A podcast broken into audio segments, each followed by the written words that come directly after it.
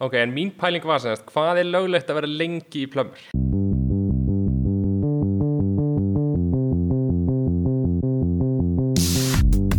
Halló er eitthvað að frétta? Já það er ekkert að frétta. Já það er ekkert að frétta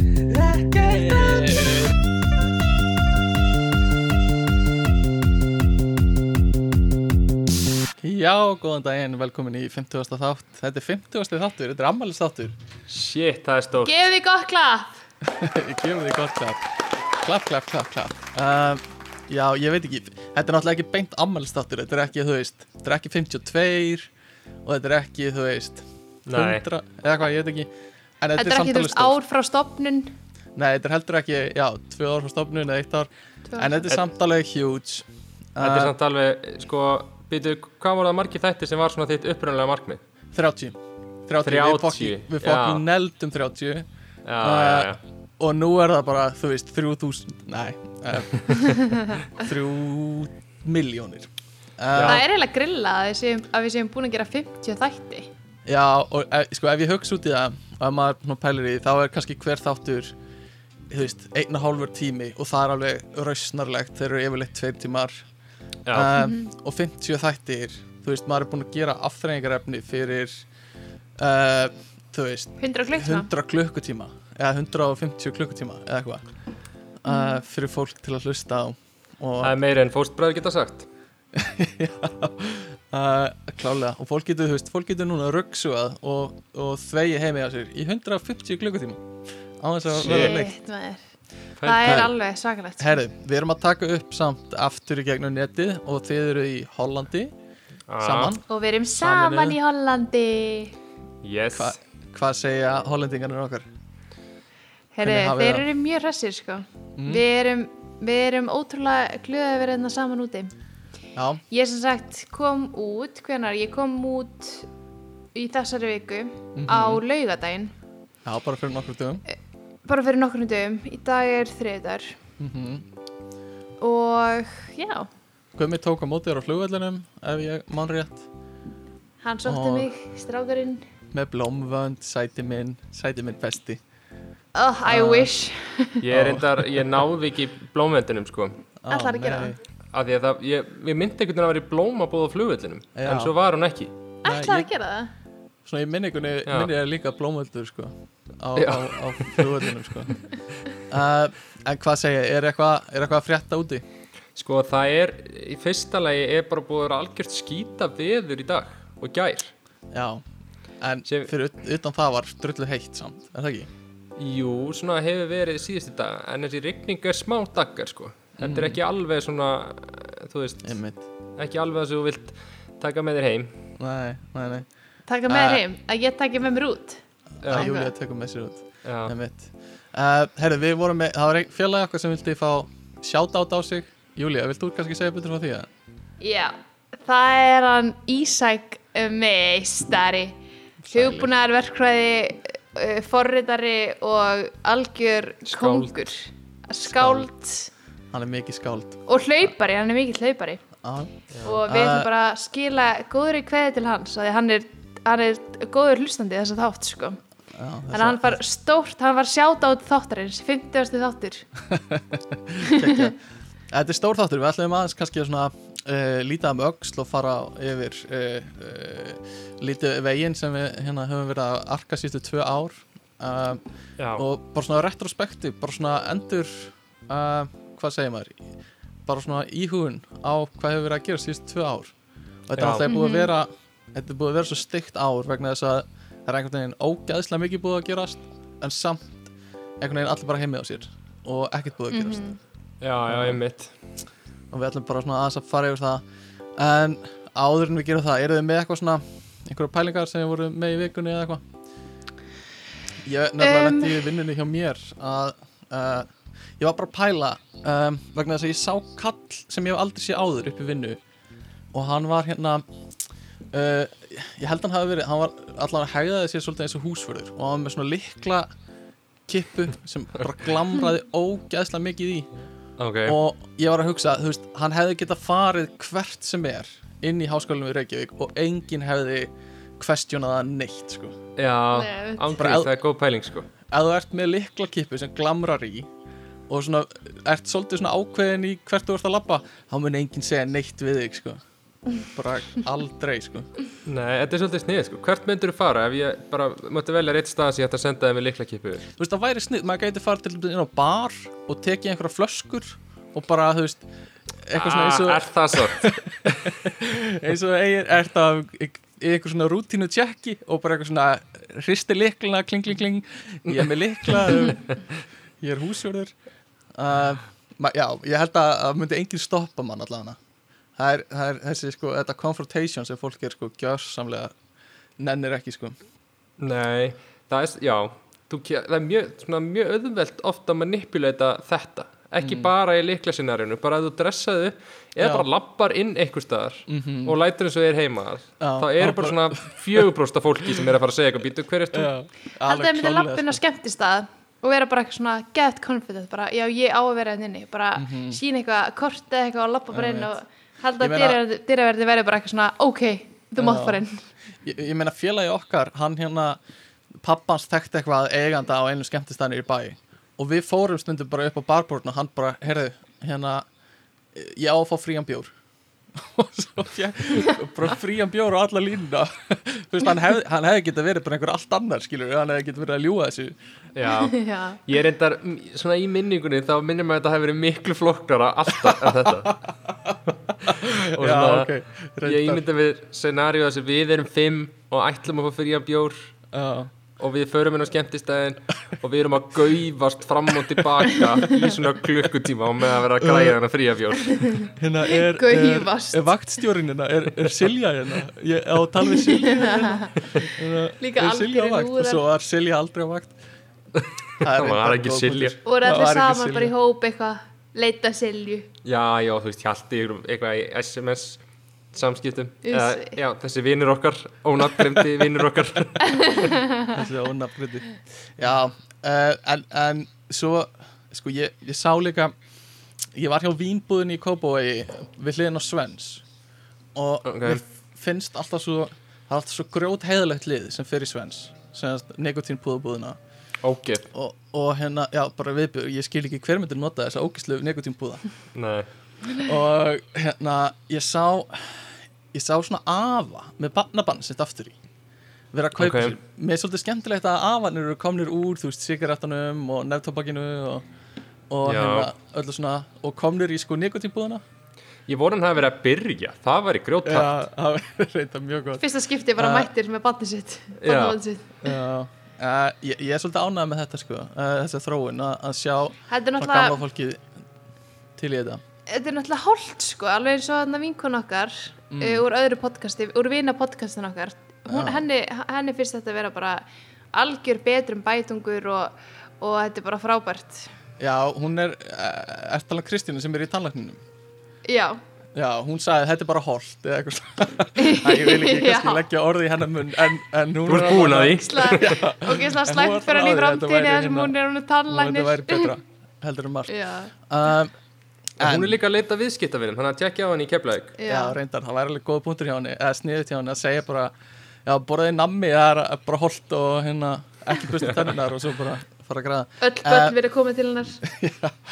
Eh, komið en á samtíma og ég sá hún afa þá sá ég líka sko konu Gumi, þú er að segja mér ef að eitthvað að þessu, þú tengið við eitthvað að þessu. En að kona kom út úr búðinu með svona stóran uh, pakka, svona tíu dollur í pakka.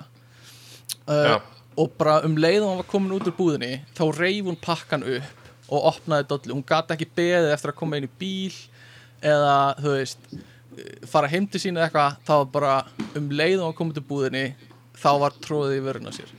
Já, er fólk svona desperate eða? um, sko Ég, eh, bara ef þú átt ekki ert ekki búin að eiga lift Mm.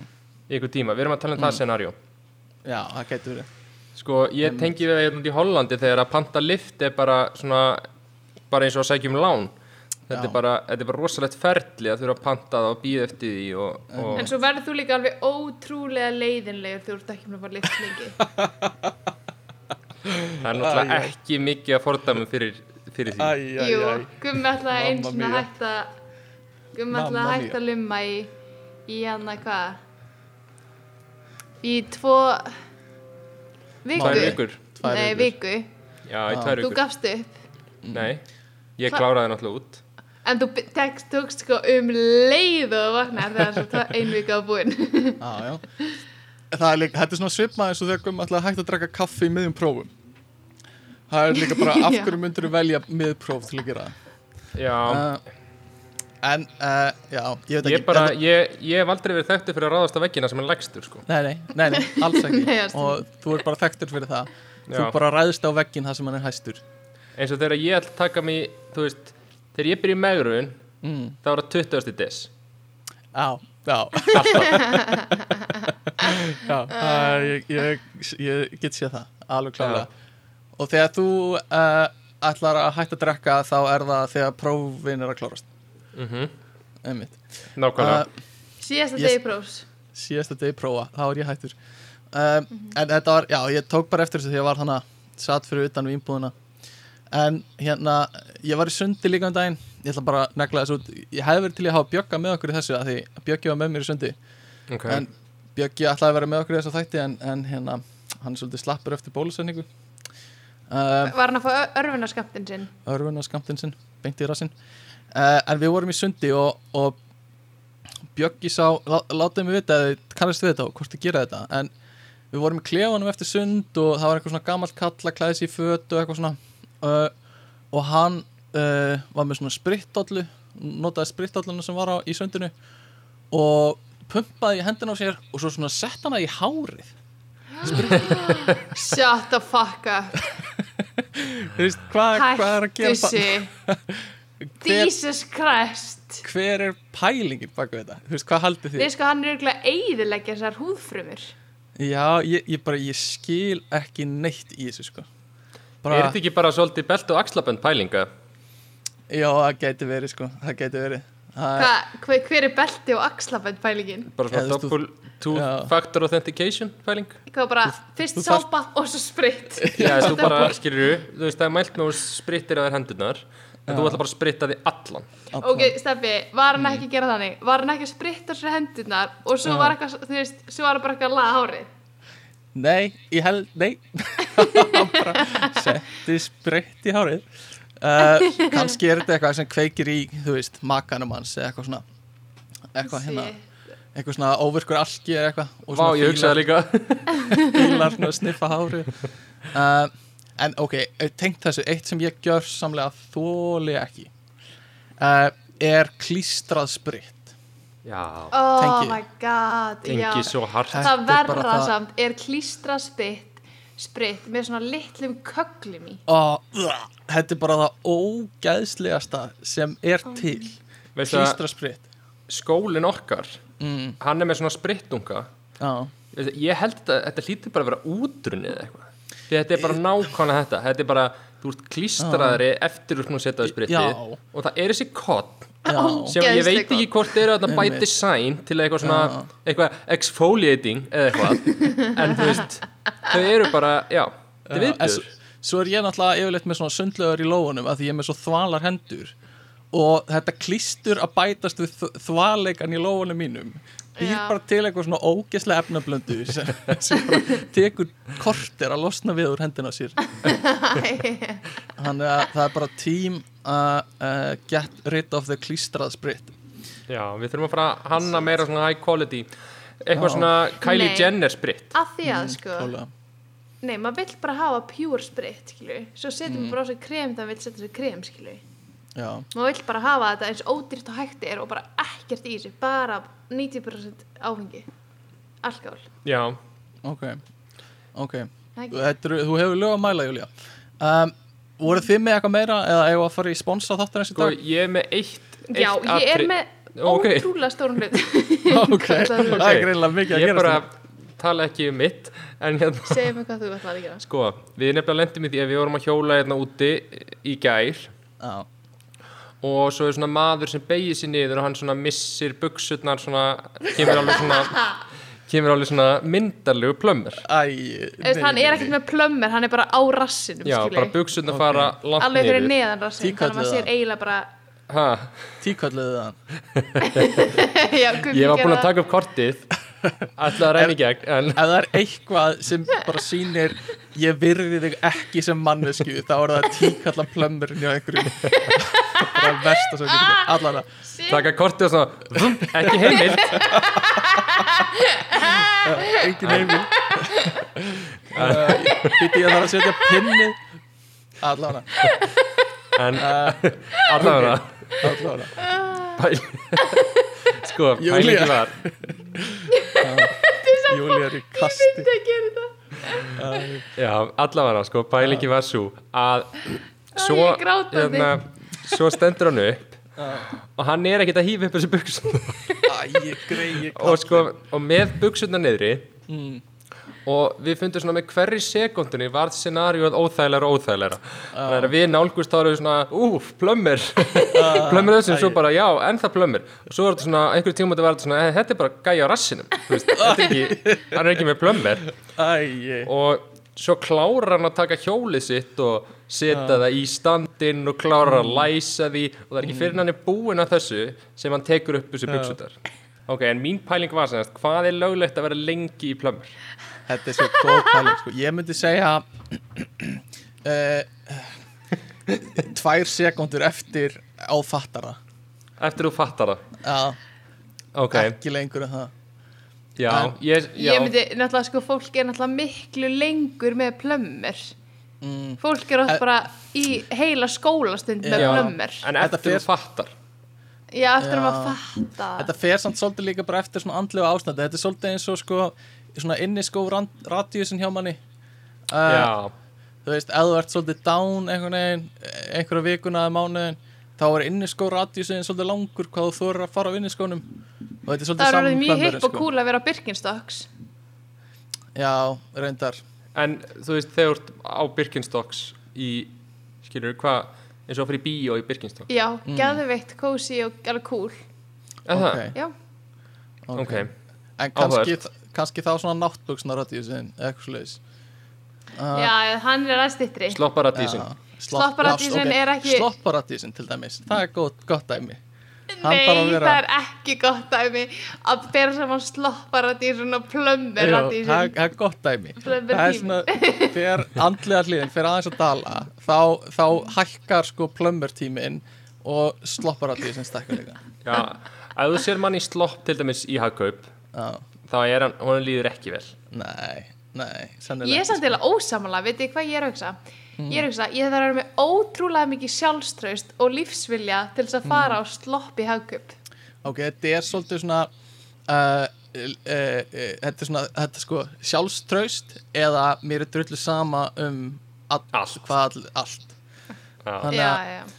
það, það er þunn lína þannig að milli. En Júlía, þú varst með eitthvað sem þú ætlar að tala um. Eitthvað stóra Já, bara- tilfinningu Já, þessi stóru tilengingin er bara að ég er flutt til Holland svona næstu tvö árin. Og það var að gerast á lögudaginn Ó, ó, hvernig er stemningi fyrir því? Mér finnst það sko geðvikt, það er alveg frábært, ég er svo ótrúlega til í það. Gaman að koma til Holland, gaman að vera í Hollandi. Og bara ég kom í smá nýja sín á Hollandi. Þú veist, hollendingar eru bara úsla næs. Og það er ótrúlega næs að búa í heitu landi þar sem er bara allt til all, allan tíman og gott veður og ótrúlega fjölbreytt þjóð og ótrúlega margir. Maður er ótrúlega, eins og ég fór hann að niður í bæ á hvað, mánud, nei á sunnudaginn. Og ég var bara ein í heiminum og ég vissi að það var enginn að pæli mér og ég vissi að það var enginn sem ég er að fara að hitta og mér fannst það bara svo geðvikt Það er ekki ekki ég, sko, Það sem ég byrð fyrir þér, Júlía er, ég Já. bara vona að þú eigir eðlilegt mastersnám. Það er bara það er mín heitasta ósk til þín uh, að að komi ekki upp einhverjir heims vandamál sem trubla mastersnámið þitt. Ég vona að þú eigir bara eðlilegt mastersnám já takk, ég vonar ótrúlega mikið líka. Mm. já, Uh, já, þetta eru stóru fréttir og, og hérna, ég er spenntur að sjá hvernig þetta þróast í framtíðinni uh, og kannski svona líka hvernig podcastið verður. Uh, ég var að reyna að dobla þetta til að taka upp uh, eld, uh, svona cooking show sem við getum sett á YouTube rásin okkar. Það er ekki ekki að það er mjög sko. er mjög bara til í hvernig það. það þróast uh, sko, mér lákar svolítið að halda áfram með hérna uh, hvað ég var að kalla uh, uppistands uh, uh, pælingunum mína. Uh, Love it. svona svipað og spjallþáttastjórnendunir í bandaríkjunum eru alltaf með fyrir, fyrir hver þátt. Já, eða hérna eða hérna í vikunni, allir fannar. Já, já, allir fannar. Það er alveg sko Það er, já, það er svona relevant grín. Það er svo, þú vilt fara út í svona relevant grín. Já, ég er svona að reyna það svona frétti vikunar eitthvað. Um, þetta verður öruglega eins og alltaf sennilega svona smá spontant undirbúið og kannski svona hálfkláraði brandar einhvers staðar sem verður mjög mikið svona engisbröttu moment. Um, en þið eru búin að lofa að hlæja ekstra mikið þó að það sé ekkert fyndið. Já. þannig að uh, ég sem ætla að sjá átti átti hvernig ekki, að- sem átti ekki að segja hlustendum. Nei, ok, Nei, þið eru búin að lofa að hlæja bara þegar þið- eitthvað finnst eitthvað að fyndið í alveg já, um, þannig að, að hérna ég hugsa að við fyrir bara að- að byrja þetta. Er þið já. þetta stressa mann alltaf svo mikið upp. Herrið, ok. Uh, ég veit ekki hvort þið tóku eftir því en uh, í vikunni þá uh, voru fundnir sko uh, fullt af fiskum á hoppjólunum í Reykjavík uh, ég veit ekki alveg hvert þið voru að fara en ég veit ekki hvort það var útsala í Ormsson eða eitthvað. Uh, vísir hérna notaði að sjálfsögðu tækifærið og skrifaði grein uh, með orðagríni í titlinum. Hún var einhvern veginn klóra sér í hausnum yfir nótt, eftir nóttina og fiska eftir svörum. Þetta er svo fucking típiskur vísir eitthvað svona orðagrín drasl. Uh, ég get svo svarað að þeir fá meira borgað fyrir svona fyrirsagnir en ekki. Það kemur sko er eiginlega bara null og óvart ef það væri með frétt sem væri eitthvað svona 14 létist í bílslýsa á Suðlandsbraut ástandið mikill skellur fyrir þjóðina. Um, og svo skellir hlæja þeir á fréttastofunni sinni uh, yfir orðagríninu en svona heilt yfir þá er hægt að segja að þetta hafi verið frekar slæm vika í heimsfréttum það var risastór skjálti á Haiti. Uh, ég vona mamma eins ég lægi eftir að hafa dotti svona harkalega bæði vei þetta er callback og bara, í síðustu uh, uh, já og svo náttúrulega þá voru það bandaríkinn sem hýtuðu sér út úr Afganistan eins og yngur vöðuguð út á þjóðutíð uh, og skildu þúsundir afganskra starfsmæða eftir til að vera drepin eins og gummi í Overwatch uh, uh, og uh, já og fleiri skelvilega fréttir. Það var náttúrulega Sigmundur Davíð sem borðaði hrátt kjöt. Þetta er allt alveg uh, bara fáranlega fréttir ég hef ekki séð nei mann jafn graðan í eitthvað sem er raukt og hrátt síðan Marx skrifaði kommunist ávarpið. Er einhver að tengja við þetta? Um, ok, við höldum áfram. Uh, sko þessir kostningastönd hjá Sigmundi eru sennilega það arsnalasta sem ég hef séð. Uh, hann ætti eiginlega bara að gera frekar eins og minn maður Sigur Ingi sem er bara svona hægt og rólega í gegnum árið að vinna sig í hug og hjörtur, hjörtur landsmanna með því að taka í nefið í bakgrunn í fréttímanum hjá Rúf það er eina sem virkar. Uh, það er að skila svo miklu miklu meira heldur en allt það sem Sigmundur getur gert. Uh, já, sko, talandi um Sigur Inga ég held bæði vegi að Sigur Ingi sé eitthvað svona, eitthvað svona sem konsept er Sigur Ingi bara eitthvað svona gjörningalist hjá, þú veist, Almar í kassanum eða eitthvað? Uh, að því gæin er bara þú veist, labbandi gjörningur. Það er allt sem hann gerir, er fyndið. Uh, þetta er eitthvað svona Sigurður í ynganum, kemur í ljós einhvern tímann á vísi, þetta var allt sem hann gjörningur hjá Almari.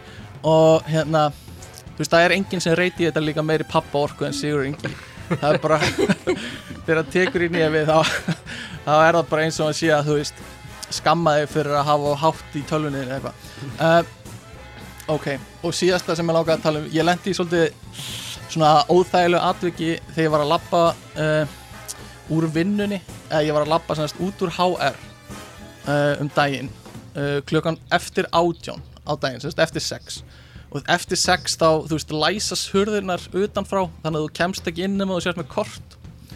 Og ég sé að það er eitthvað svona par þannig fyrir utan. Og, og það er greinlega læst úti og ekki með kort og kemst ekki inn. Og þetta eru svona glerrenni hurðir og hérna ég sé þau bara þeir eru að reyna svona að horfa inn og sjá hvort það sé einhver sem getur að opna fyrir þeim. Og ég, ég lappa semst að uh, að þeim og sé svona að það er auksa band og svona sé að þau eru að reyna að leita einhverju til að opna fyrir sig og ég eitthvað svona ok, ég ætla aðeins að grínast í þeim. Og, og hérna lappa á hörðinni, horfi augun á þeim og svo svona grínast ég með að lappa svona tilbaka og ætla ekki að opna fyrir þeim. Uh, en á sama tíma þá lappar einhver vinu þeirra fram hjá mér. Þannig að þau voru að horfa á hann allan tíman uh, og hann opnar bara beint fyrir þeim. Og ég eitthvað svona að læðupokast eitthvað svona að lappa tilbaka hún að vera að brosa til þeirra. Uh, og þau lappa inn. Og ég svona horfi í augun á þeim lít beint niður í jörðina og bara gunna út. Uh, ég held ég hef aldrei verið jafn fegin að vera með grímu á andlitinu og akkurat í þessu augnablik. Ég bara vona að ég hafi haldið bara hafi, já, komist aldrei að ykkur hér uh, þannig að, að þetta var uppistand þessari viku. Ég veit ekki hvernig þetta fór í fólk. Um, hvað segir þið? Ég veit ekki hvort þú heyrir í það, við vorum með svona, hérna, já, við vorum á soundboardinu í fyrsta lagi, Já, það sem var laugh track. já, sem að, sko það vantaði aðeins í uppstandi, það vantaði smá svona pause for já, laughter. já, Já, já, það er held ég svo, ég heyrði líka ekkert í ykkur hlæja, sko, ég veit ekki það er eitthvað að hjá Discord, sko. Ég, ég fekk ekkert feedback frá ykkur, sko. Við þið hvað verður, við hlugum alveg helli. Við lofum mjög mikið. Já, ég bara, ég held að bara Discord hafi einhvern veginn svona bara filter það út, sko, ég heyrði bara bara ekki neitt. En ég heyri ykkur núna. Þannig að, Svona erfitt krát já, þetta var svolítið errið krát uh, Það er líka að fyndi að segja þetta í uppstandi. Já, uh, ok, já, ég þarf að finna kannski réttu tíman til, að- til að pása líka það getur, Já. það sniðið, sko En mér finnst það mjög gott, ég bara stiði þetta alveg heil sögur, sko. Já, ég elska þetta innleg Já. ok, það er Ég gaman að bara, allir fannar, þú ert Já. bara, þú ert að nálgast hann alveg harkalega, sko. hann er líka hættur, Gísli Martin er farin að taka við, sko, sjálfur Já, af hverju, hvað er það? Ég veit Ég ekki, sé- mér finnst það svona smá vandræðilegt, sko, eh, ekki vandræðilegt mér finnst það svona, mér finnst allir betri í þessu, sko. Ég sé fyrir mér að það er smá eitthvað svona gísli, þú veist, svona bak við tjöldina að vera eitthvað, nei, ég ætla að vera fyndin. Ég, já, nú, Ég ég, held líka Já. hann tíma ekki að borga honum sko. Ég hef heyrst það það gæti verið, sko. Það gæti alveg verið, sko. Uh, en, uh, já ég bara hlakka til að vera mættur í vikuna hjá Gísla Martini einhvern Hefur tímann. talað um Gísla Martin. Já, þá var hann mjög mikið að rósa skoðanabræðurum Gísli. Já, Já, uh, þú veist, bara sitt sínist hverjum sko. Skoðanabræður er allt í lægi uh, Ég veit ekki hvort við, ég er ég hlusta taka nefnilega podcasti já, þar sem þið voru að tala um skoðanabræður. Já, þú veist Þeir eru allt í lægi En mér finnst þeir ekkert eitthvað frábæri sko. uh, Og fer náttúrulega aðla bara eftir hvað gestir eru hjá þeim En svona þeir sem spyrlar, þú veist, bara meðal skilur, ekkert eitthvað betri eða verri en einhver aðri sko. uh. Allavega, hvað segir, Hvað- hvað er búið að gerast? Nú, ég, hvað- bara skjóta inn inn hérna. Hva, hvað væri svona, hvað væri optimal manneskjan til að hrósa ekkert að frétta fyrir þig? Já, eins og Gísli Martin var að hrósa skoðanabræður ok, tökum Gíslamartin út fyrir svega. Hver væri annar? fyrir Nei, utan alveg- Gísla Martin, úff, Já. ég veit ekki hvort það er einhver uh, ég veit ekki, kannski einhver svona Joe Eitthvað svona- Rogan. já, Joe Rogan. Uh, uh, Jón hérna Gnar kannski eða eitthvað svona Sigur, nei hérna geðvitt Þorstein Guðmunds eða eitthvað. Er það er aldrei að fara að gerast. Eða bara eitthvað svona nei, ég veit ekki, Kata Jak ég veit ekki um, ég veit ekki hvað maður myndi fá mest reach sko. ég er bara að hugsa um það ég hugsa Já. bara um reachið sko. Já, þér er drull, þú, þér er drull um allt nema bara tölunar á blaði. bara tölunar sko. bara sta- ég fer inn á uh, statistics síðan okkar svona einu svona klukkutíma Alltaf engin breyting. engin breyting engin Það breyting er ykkur að hlusta núna. já, uh, ég, er, já, ég fylgist vel með því hver er að hlusta Nei, Hvað er þau heima? það ekki. Um, en hvað segir, síðustu tvö ár er þetta alveg, ég var svona velta fyrir mér er þetta efni í heilan þátt? Um, ég held að það gæti alveg gengið sko, eða var alveg, verður mjög næs sko. Já, um, en, en hérna bara svona hjá Já. okkur ég tók saman svona, svona smá tímalínuna okkar síðustu tvö ár. Já, uh, og þetta verður smá egocentric þetta dæmi í þættinum. En ég meina fuck it. Uh, Þannig sko, að það vera. já, fyrir okkur mig gumma og Agga þá komum við náttúrulega til Hollands fyrir bara sléttum tveimur árum. Já, bara næst upp á dag. Já, og mér finnst það svolítið brenglað að séu liðin tvö ár síðan. Já, uh, bara uh, hvar hefur líf mitt lit sínum glata sko. Uh, og við komum til Hollands og uh, gist, semst leiðum okkur hótelherbyggi á stúdenthótelinu. Sama staðu við endum á að búa allt árið en við byrjuðum á að leiða okkur hótelherbyggi uh, svona bráðubyrða hótelherbyggi þar sem Já. Gummi og Aggi deildu herbyggi. Já, um, og þið náttúrulega þið horfðu á Piggy Blinders án mín það svona ber hæst uh, og skildu mig eftir Það stendur upp úr á þessu tveimur árum það, það er svona hérna, helstu svik sem ég hef vorið fyrir. Elbítu, getur þú sagt aðeins frá hvernig var að vera með Agga og horfa á þætti með honum fram með því já kvöldi Sko, það var náttúrulega Aggi er svo gjörsamlega veikur þessu leiti Við erum sem sagt að horfa á Peaky Blinders og í sjónvarpinu. Í sjónvarpinu. Já. og við og ég, þú veist hann bara hættir ekki, þú veist, ég þurfti alltaf að segja, þú veist, ég ert að vera eitthvað herðu, er þetta ekki bara komið fínt bara, þú veist, Já. en hann bara next, next, next og situr svo stjarfur yfir sjónvarpinu Og við með iPadin á bumbunni já, eða sko, hann er, já, þannig er hann með bara svona já, hann er ekki með neitt, hann er bara innbyttur að horfa á Peaky Blinders. Ok, ok, ok. Og við sitjum að eins og hjón upp í hjónarúmi yfir hlið, og sitjum báður og horfum á Peaky Blinders. Já. Svo er klukkan, þú veist klukkan svona tvö byrja ég að segja svona já, ég hef ekki kannski að fara að sofa eða eitthvað slags og hann eitthvað, eh, ég get takið niðurbútt og svo er klukkan ég er ekki að grínast, klukkan er hann hálf fimm um nótt. Já. Já. og við erum ennþá að horfa Blinders. Akkur stu ekki lengur sopna já, það er málið, en ég eitthvað, ekki, nú er komið gott nú bara slokkum við, við verðum að fara að sofa nú er að vera hálf fimm. Og hérna, þannig að hann eitthvað, já, ok. Slekkur á Netflix, ég leggst á mína hlið, hann leggst á sína hlið. Svo allt í henni kemur bara svona svo allt í henni svona er ég eitthvað að loka augunum og bara það er alveg myrkur úti og ég eitthvað svona uh, allt í henni bara lýsist upp allt herbyggið af einhverju svona bláum já, kemur bara svona yfir allt herbyggið þá lýsist bókstallega allt upp í herbygginu nei, þá er hann mættur í iPadin þá er hann mættur í, þú veist mættur bara að rúli gegnum vísi eða eitthvað. Uh, með er bara sko. iPadin á maganum og svo er hann bara með síman í hendinni og bara alveg gjörs klukkan Og bara- 5 um morgun. augun bara stjörf eftir að horfa á skjáin shit, það er svo gott. Ég tengi alveg mjög mikið vakað í þessu, í þessu sem þetta hlutur sko. Þetta, þú ert búin að horfa á sjónvarpið frá miðnætti í eða, 5 Þetta er klukkutíma þetta er ekki Aggi- Aggi er ekki svona person sem gerir þetta. Jú, Jó. Hann lítur ekki út frá vera hann, skilu hann, svo portreyjar þetta ekki, skilu Nei, Nei. ok, okay En ég veit það ekki hvað punktið mitt Það var eitthvað annað að þú tengir við þetta Já, já, ég tengi mjög mikið við að vera svona chilli mellum í svinkunum mínum eða einhverjum Mm. og mér finnst það bara geðveikt næs að bara bingja heila serju svo Mhm. fær maður svona, þú veist að því að örfunin er svo geðveikt mikil og búin að vera svo ótrúlega mikil örfin í langan tíma Mm. að þú veist, þegar maður hættir að horfa og eða Mhm. eins og gummi slekkar sjóðsmjöl liðinu mér. Það er bara eitthvað svona, ok, hvað á ég að gera við mig? Ég bara, ég verð að gera eitthvað annað til þess að svona róa örfinina aðeins niður. Ok, Já, og það var bara síminn.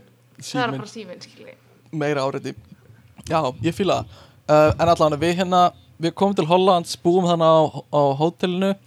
Uh, förum á einhverjum svona intro daga í, í náminu sem við trublum þegar það byrjaði að halda fyrirlesturinn og göngum svona eins og er einhver svona grínþáttum bara svona trublum alla með einhverjum svona með einhverjum svona hérna bachelor bakpoka sem bara bachelor nefnar fengu. En við mastersnefnarnir höfðum stólið einhverjum svona einhverjum svona bakpokum sem að vera að gefa bachelor nefnarnum og hérna Þetta var náttúrulega ógeðslega fyndið scenarió já, já, að við mætum fyrir utan skólan og sjáum Já. eitthvað hlið og bara eitthvað svona welcome to TUE Já. við hugsaum bara, vá, geðveikt bara, það er bara búið að rúla okkur dreglinum og já, við eitthvað mætti, ég held að vera ekki neitt og eitthvað svona. Já, við löpum í gegnum svona 50 mínútur af bara einhverjum svona þröngum göngum þar sem varum að gefa okkur einhverja, einhverja svona klassíst, gefa svona endurskísmerki sem þú lemur á hendina þér. Já, já, Típiskasta og, og einhvern og svona uh, pilsu ég man að þú fjöxt þér pilsu einhver staðar. Og- Það er pilsu það er svona hollenska svona, þú veist, ógæslega skrítin Já, svona inn Eitthvað í, svona- inn í degi. Nei, svona frikadeller. Já. Og bara alls, það var að gefa okkur alls konar. Og við vorum að lappa í gegnum svona, bara svona manngerð þröngöng af mönn, bara þú veist, af fólki. Og það var bara Uh, uh, fáður kotti, kotti hlaupafélagið, kotti leiklistafélagið kotti Mhm, fótboltafélagið og eitthvað svo leiðis þannig að við komum drekklaðnir af fríudóti Já. gátum ekki sagt nei við einum hlut á leiðin Nei, tókum göngin. allt. Og við komum inn í fyrirstasalina sem við áttum að vera. Já. nei það er ekki ein manneskin í salnum með þetta dót. Þetta eru, já, masterstemminu voru ekki að taka þetta. Og við la- byrjuð. Já, og við þurfum að lappa fremst já, til að komast. Uh, og hérna uh, við sem sagt löpum uh, og setjast í sætið okkar og förum í þessa eitthvað introdaga og það er mjög gaman allt. Um, en svo erum við bara búin á hótelinu. Og hvernig fannst þér það? Með að deila eldhúsi og, og hérna veist, bara átjónara krakkar sem voru með okkur á hæðinni. Og um, fara í gimmið. Ég fór svolítið mikið í gimmið á, sem var á hótelinu. Um, labba í skólan og eitthvað svona, þetta er bara típist ég veit ekki, ég veit ekki að hverju að segja þetta. Uh, en allan, svo verð ég svolítið veikur, bara fyrstu vikuna eða aðra vikun í skólanum, fæ Já. lúnabólgu og er bara veikur í svolítið tíma. Uh, og hérna, ég man að einhvern tímann, þú veist, var ég að reyna að labba í skólan og ég var bara, lungun mínu voru bara það búin sko, að ég bara gat ekki að labba í skólan að þess að vera bara dauður já, bara móður sko. ástand, sko. uh, Já, já, en við komum svo í gegnum þá önn. Þetta var svona stutt önn, kláraðist í, í byrjun november mhm. Einhvern negin komist við í gegnum það. Hvernig, svona, hvernig fannst þér að byrja í skólanum? um, mér fannst það mér fannst það mjög spennandi. Mhm. ég held svona kannski var ekki svona kannski alveg tilbúin í vissi ekki einhvern veginn. Það skrýta Nei. að koma í nýtt land Já, og vera einhvern veginn á sama tíma áttaði á hvernig alveg nýtt skóla umhverju virkar. Mm -hmm, og áttaði á bara hvernig þú átt að lifa þarna og hvernig þú átt að vera til þarna. Klálega þannig ég held svona að smá byrjunatími sem var svona ég hefði verið til í að einhver hefði svona preppað mér það eða þú veist. Já, En Þetta hvað, var hvað svona- ráð eru þá með, fyrir mig? Hvað meina þið? Prepp ykkur í hvað? en þú veist, ég held að ráðið er náttúrulega bara svolítið bara upp, það sem við upplöðum og það sem við sáum síðan kannski setna með eins og þú veist eins og taka þátt í einhverju skipulegu starfa eitthvað, eitthvað sem við vorum svolítið lengi að finna út úr hvort væri actually til já, og vorum svona eitthvað að- allt og mikið að mikla fyrir okkur eitthvað svona já, hvað mm. var að fara í, þú veist er í bóði fyrir okkur að fara í þess, þessa íþrótt eða þennan hóp eða eitthvað svo leiðis einmitt, einmitt. Þetta var svo- svolítið Já, maður var svolítið svona uh, mikið heimakær með vin, eða, þú veist, við vorum þrý saman, vinir úti. Já. og við vorum svolítið bara með okkur þú veist, við vorum ekkert mikið að blanda geði. Já, um, en þetta var líka svolítið svona, ég ég held sér þetta líka svona stemningin við eins og þegar þið hafferingarnir voru nýbyrjar í MR já, og löppuðu alltaf í 10-11 að kaupa ykkur mat í staðan fyrir að fara í bónus sem var einni göti fyrir ofan MR Já, af því þið vissuð ekki að bónus væri til.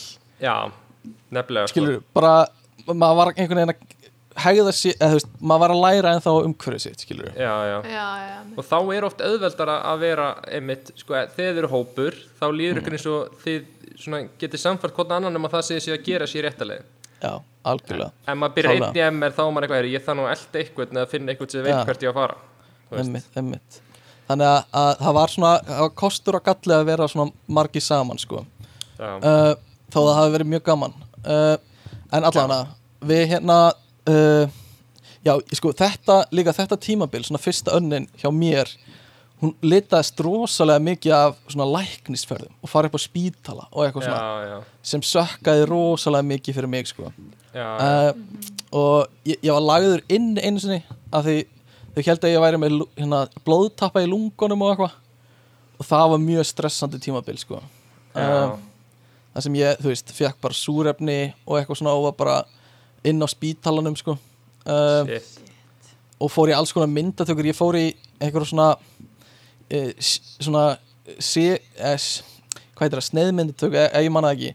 Og ég fekk eitthvað svona efni í líkamann, svona skuggingarefni uh, og ég man bara eftir þessu mómenti bara að vera komin út til land sem þú þekkir ekki neitt. Og vera bara strax fullt inn, í, inn á spítalunum sem Já. sjökkaði sko það, er, það er líka bara, þú veist, þetta er svo þú veist, þetta er hluti sem þú vilt aldrei díla við mm en þú vilt líka ekkert díla við hann í nýjum landi. Já, það er bara þannig að það, þú veist, allt svona þú veist, maður finna líka bara með minni hluti hérna úti í Hollandi. Mm ef þú ert að díla við eitthvað sem þú ert vanur að díla við Íslandi og þú ert að læra að díla við það úti.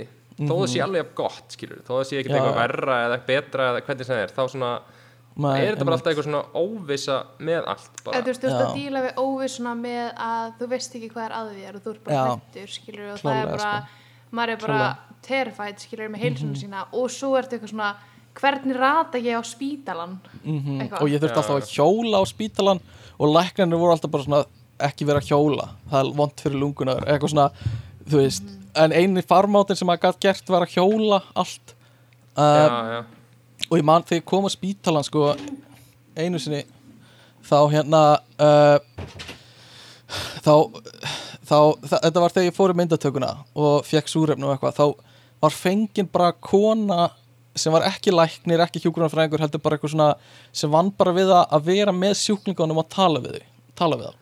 Þetta var kona sem hefði búið í bandaríkjunum og kunni góða ensku já. og hún kom bara til mín og var bara að spjalla við mig sem ég Vá. kunni rosa mikið að meta. Þetta var bara svona, það var hennar hlutverk skilur þetta sé svona, þú veist, ætli það sé líka svona Íslandi fyrir ef þú ert erlendur eða þú veist, gæti alveg verið sko. Uh, og ég, ég kunni rosa mikið að meta þetta og bara allt sjúkrakerfi í Hollandi var mjög næs og ég fekk já, bara svona gó, hérna, góða kynningu á því sko. Og þú veist ég fór í alls konar hjartaransóknir og eitthvað svona og bara gekk mjög smúð þannig séð sko en ekki kynningi sem þú vilt þú veist að byrja í mast þannig Nei, ekki beint kynningi sem maður vill. Uh, Nei, nei. Þannig að ég ákveð svo að fara heim í byrjun nómabær út af bara til að, þú veist, klára allar rannsóknir heima og eitthvað Mhm. mm og tek restina náminu heima uh, semst þessa þá önnina basically uh, sem var líka ótrúlegt að gekk og maður hafi ekki fallið á neinu eða neitt svo leiðis, hafa náðu öllu.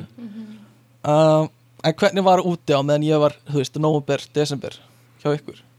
um, sko á þeim tímapunkti svona þú veist ég held að við svona já ég veit ekki maður, mér fannst svona að maður svona gradually var aðeins að komast í takt við kannski suma hluti Þú veist, Já, aðeins einmitt. svona kannski uppgötaði já býtu þetta þú veist, uppgötaði bara hvar barinn eða nefndafélag okkar var Mm, eitthvað svona einmitt, veist, þessi hlutir og Já. svona í rauninni eitthvað sem að kannski byrjaði ekki einhvern veginn fyrir hérna já, náttúrulega áður en þú fóst en svona Mhm. rétt áður en þú fóst byrjuðum við aðeins kannski að pæla í þessum hlutum Mhm. og svo svona gratjúli fóð maður aðeins að uppgöta hérna, já, fleiri staði innan í skólunum, fleiri félög og svo leis Emmitt, emmitt og, en náttúrulega alltaf hægt eða þú veist, Mhm, þegar alltaf komið november, desember, þú veist að vera búin með fyrstu í rauninni Mhm. tvö, tvo fjórðungana þeina þá, þú veist það er alltaf langur tími að vera áttaði á því Mhm. hvað er í bóði, sko Ég held maður geti alveg mælt með því að, að fara allir fari bara sem fyrst og reyni að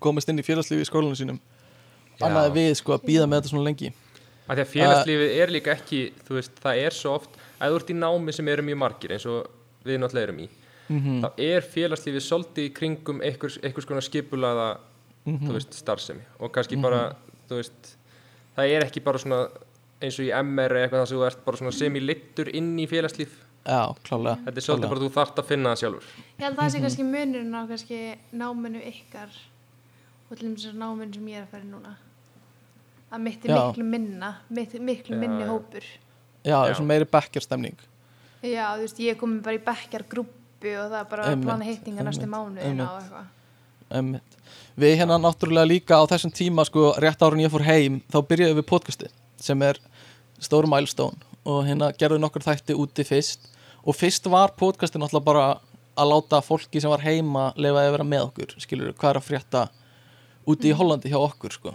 það var svona Já. uppálega pælingin um, en allavega svo veist, komið þið heim um jólin og við förum aftur út í janúar um, og ég man ég var, þetta er janúar 2020 og ég man bara svona snemma í janúar 4. 8. janúar var ég að lesa á reddit um einhvern vírus í Kína og, og maður var ekkert að þú veist, maður, ég, maður held ekkert um þetta, eða þú veist bara hvað þetta er einhver kannski fuglaflensa eða eitthvað uh, sem kemur aldrei til okkar einhvern veginn.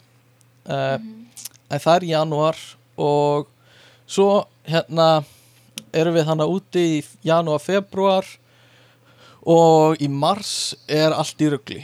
Og við förum á hérna karnaval sem er svona sem er svona vika af bara jammi í Hollandi það sem allir er í búningum og, og fara út á götuna og skemmta sér. Þú veist þetta er hátíð plastglasana sko. Ég ætla að fara að segja. Að því út á götunum þá er bókstæðlega bara öldu sjór af plastglösum að því bara það ef eru þið viljið sjá þetta þá er, þá er myndband af steppa hoppandi í plasklusum á Instagramun á okkar. Instagramun okkar. Það er sko að því það eru allir bara hva, á hvað aldur sem það er eru að jamma á þessu ísa viku sko. Og allan daginn. Allan daginn. Það bara og, og við að Já, og við vorum að pæla þess í þessu, þú veist, hvernig er hægt að jamma svona lengi?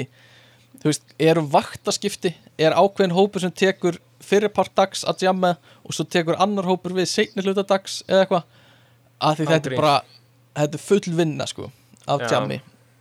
Og þetta var bara þegar COVID var að byrja í Evrópu, sko, þannig að eftir þetta var maður bara, hvað hva er að gerast, eða þú við, veist við líka á þessum tímabúti, við vorum ekki að hafa ágjör á COVID neitt sko.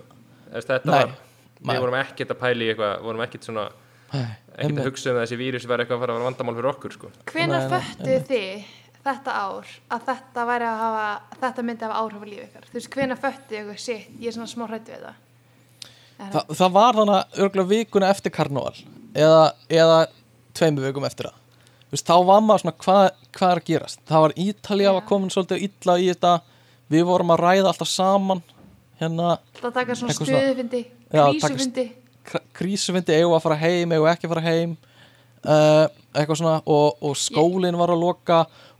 Ég held Og að, á- ég held alveg hjá mér var já, þegar það var krakki í bekknum sem greindist með COVID og allir skólinn auðtrækt lokaði mm, á einum degi, bara, bara sett í lás bara á einum degi og, en á þessum tíma var, var alltaf talið sko og um, umræðan var alltaf bara uh, tvær vikur.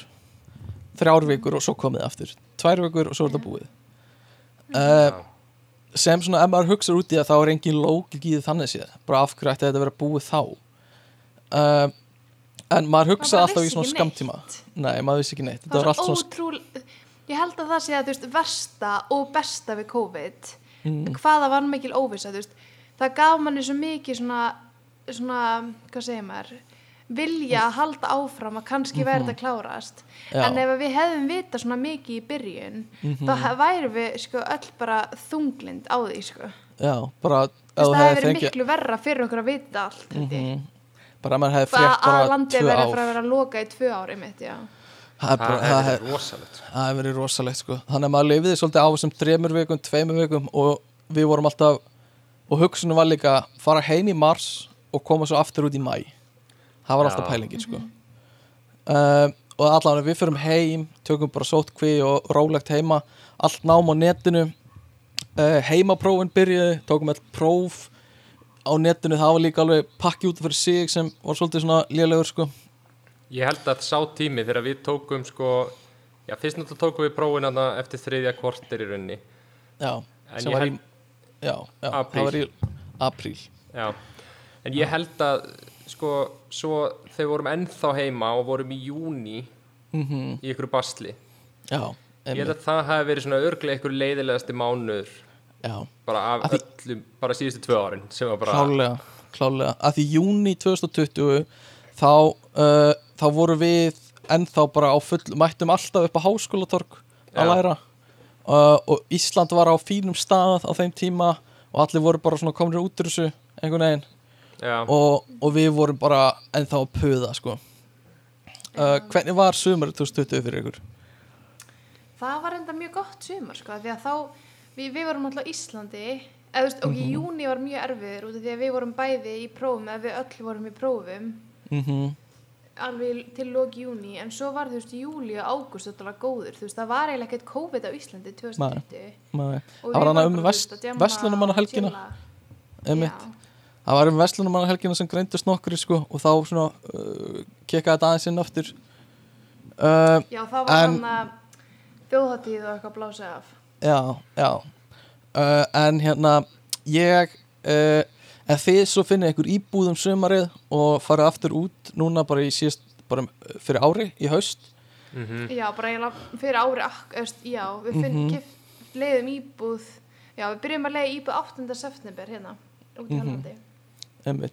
Ég ákvað að býða aðeins með það og taka stöðuna og svo einhvern veginn leið mér aldrei eins og það væri nógu góð staða til að fara út þú veist, Holland var í ruggli, það var bara allt lockdown á þessum tíma í Hollandi uh, þannig að ég tók allt nám á netinu þá önnina og þá sem sagt, uh, sem sagt kvorter 1 og 2 sem er, sem er uh, bara uh, haustönnin uh, og svo klárum við það og það gekk bara vel held ég. Og svo er meistaraverkefni sem tekur við síðasta vor og erum bara búin að vera svolítið í því síðan þá. Um, og hérna meistaraverkefni er búið að vera bara þú veist lesa greinar sem eru ógislega leðilegar Já, og mjakast hægt og rólega áfram. Og maður er bara ennþá í því. Og sömur 2021 er búið að vera bara rosalega rólegt og bara þú veist ekki mikið búið að gerast hjá mér allavega. Það er alltaf bara uh, að vera, þú veist, mér, mér fannst þetta sumar, þú veist, sumar Mhm. er 2021, miklu meira einkennast á COVID heldur en einhvern tímann, sko, sumar er 2020. mm -hmm. Klálega sko en uh, Gummi, þú, þú kemur samt uh, þú kemur heim í november já, 2020 eftir að hafa verið úti í smá tíma já, eh, já, við komum heim, já, senasta daginn í november, mánamóti november, desember. Og þá fyrir við, ég, Aggi og Gummi í sótkví saman. Nei, ég, ég þú og Sigurlu. Vinkon. já mm Já, er nóg. ég, já, sigurleik Já. hún eitthvað þá. Mhm. Og við förum, já, förum í sótkví þá og, og Ég hérna elsku að hafa sagt sigurleik vinkona. ég segi alltaf, þú veist, Hallberg vinkona, sigurleik vinkona.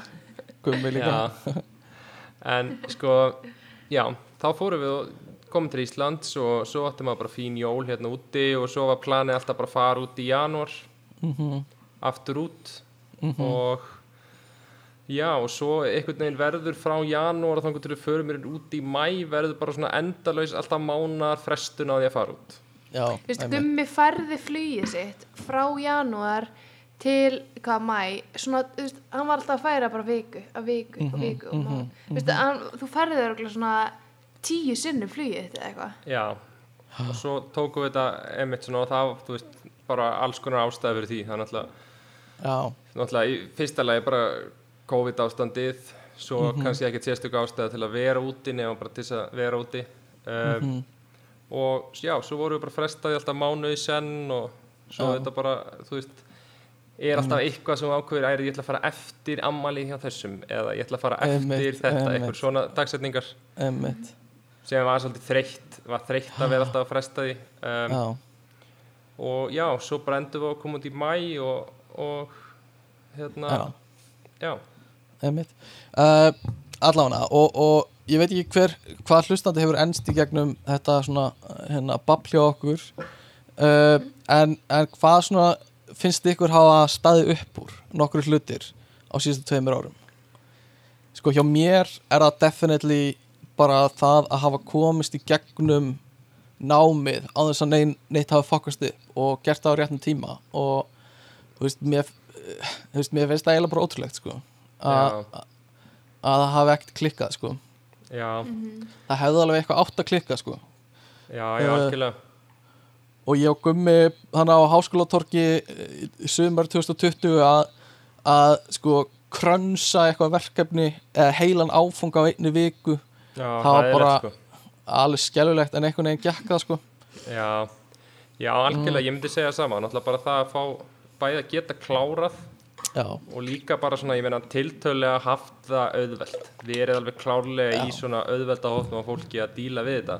einmitt Því að ég meina, ég, ég gætt haldið og við gætum haldið áfram með okkar nám, Júlia gætt gert það sama. Mhm, og einhvern veginn, einmitt, sérstaklega svona núna þegar við erum komið bæði út og hérna, einmitt, þetta er alltaf klárast þá svona, það, það, er, það er alltaf ganga upp, þú veist, það er ekkert, þetta er búin kannski búin leiðilegri ár en svona þegar upp er staðið þá er planið Einmitt. veginn bara eins og það hefði alltaf verið. og líka þú veist Ísland fór aldrei í lockdown, lockdown, skilur þannig að við höfum alveg haft það þannig sé gott með við mörg önnu lönd sko, Já, sem fór alveg í full lockdown sko. já, já, einmitt.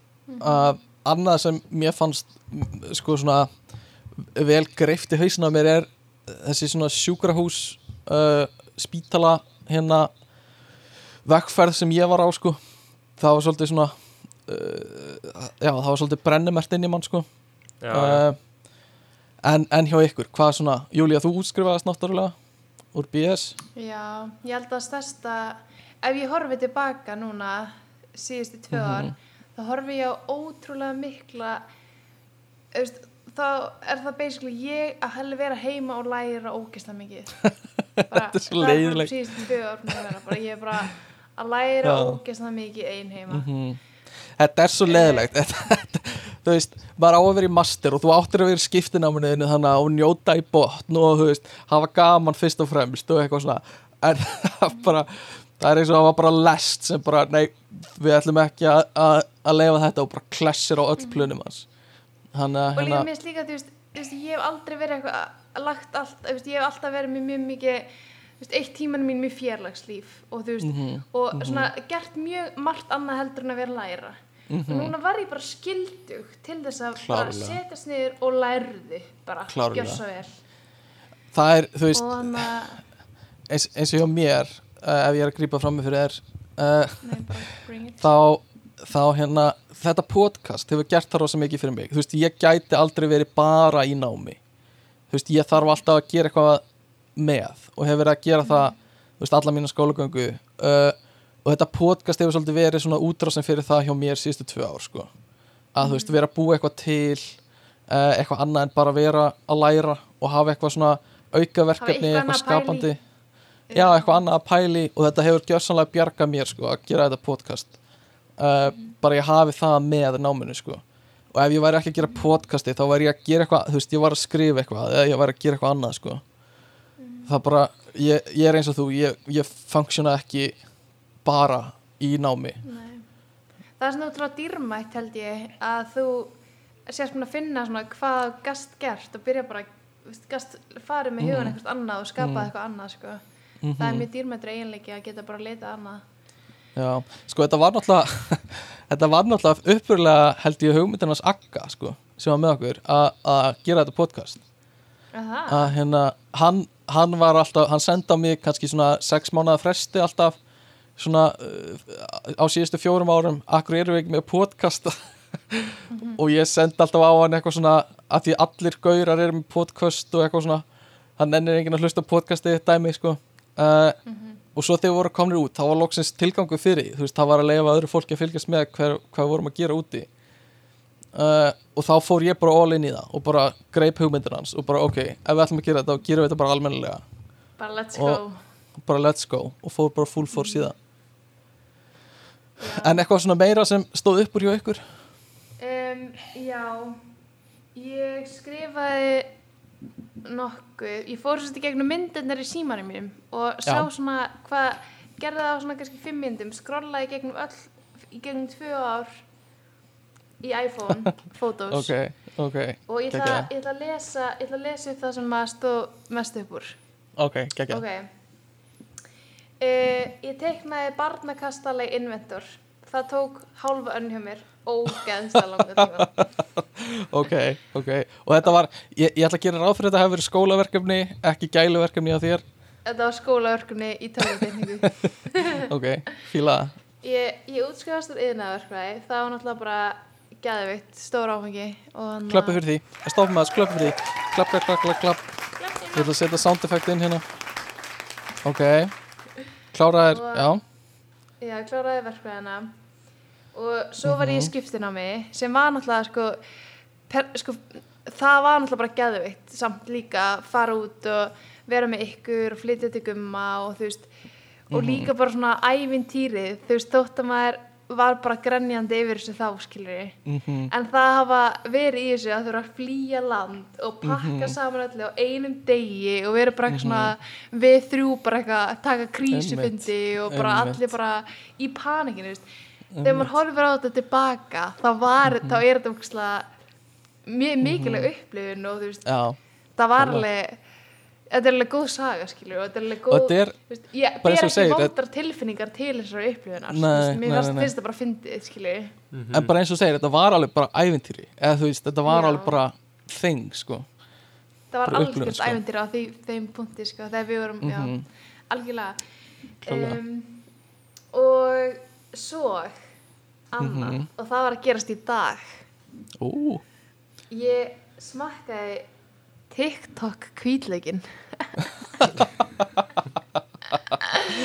uh, ég er búin að vera að leita á Íslandi af TikTok kvítleiknum í hálft motherfucking ár og hann selst ekki á Íslandi.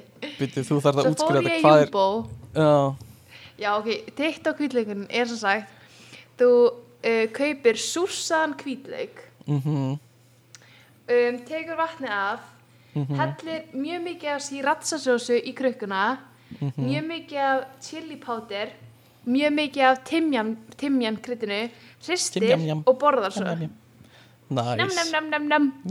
jam, nam, Ég, bara, á meðan þetta var í gangi þá bara, ég blikkaði ekki einu svona augunum í sófónum en ef ég hefði vitað að þetta væri bara svona eitt stærsta moment síðustu tvö ár þá hefði ég bröðist öðru þessi við. Æ, Það ok, mjög það gott. var bara svo gæðvitt og þegar ég var uppleið í dag, ég að vera svo stelpunar tengja.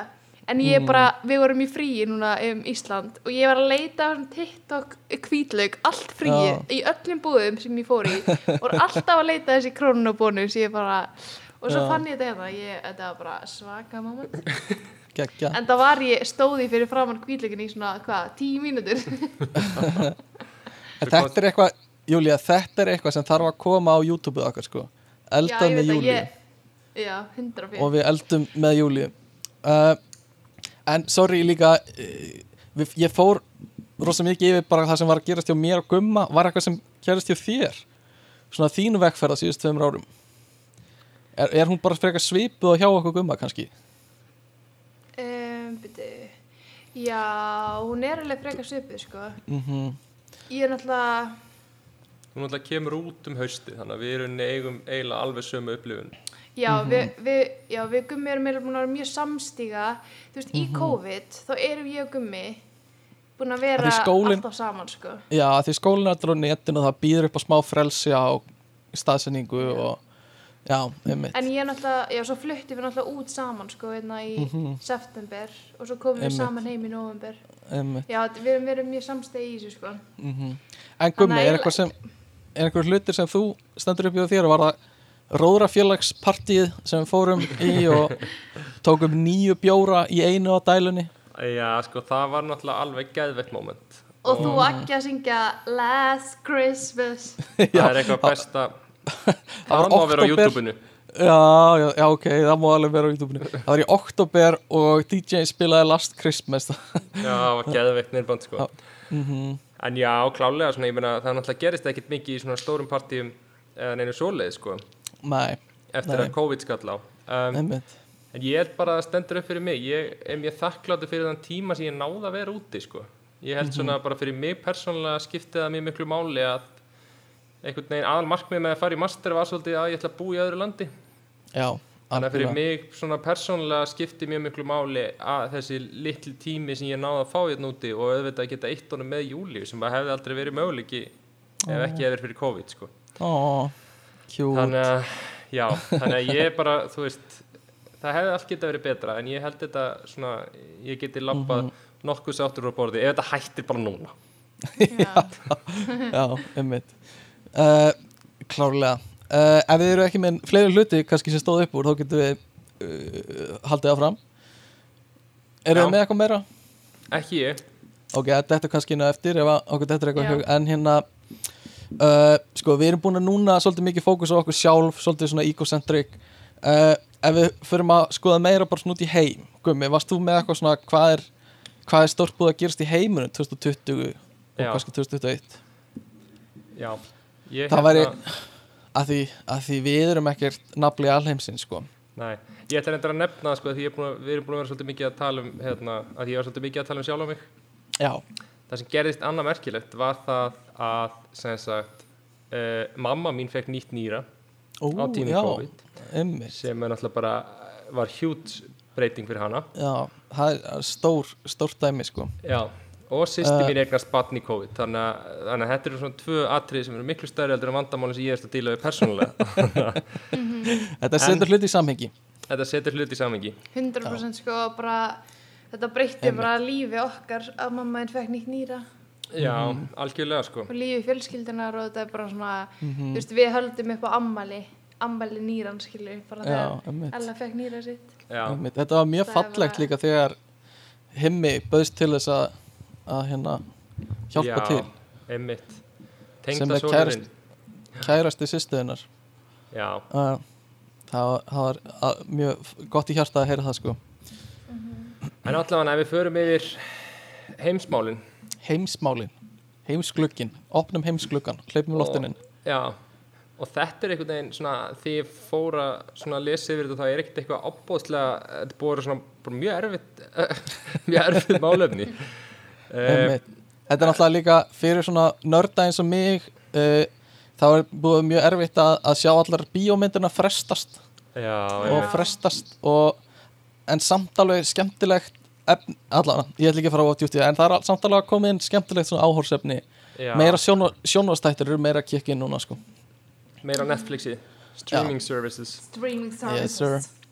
Herðu, en það eru svona nokkur, nokkur bara stórmál um, það er náttúrulega ef svipa leiti er rauninni stutt áður en COVID byrjað þá eru skóareldarnir í Ástralíu. Úf, já, Shit, ég var bara shit. að gleyma því maður. 2020 byrjaði með þessum miklu skell sko. það var Já. bara allt í ruggli í Ástralíu og svo er þessi veira einhvers þar í bakgrunn bara svona að lau laumupokast eitthvað.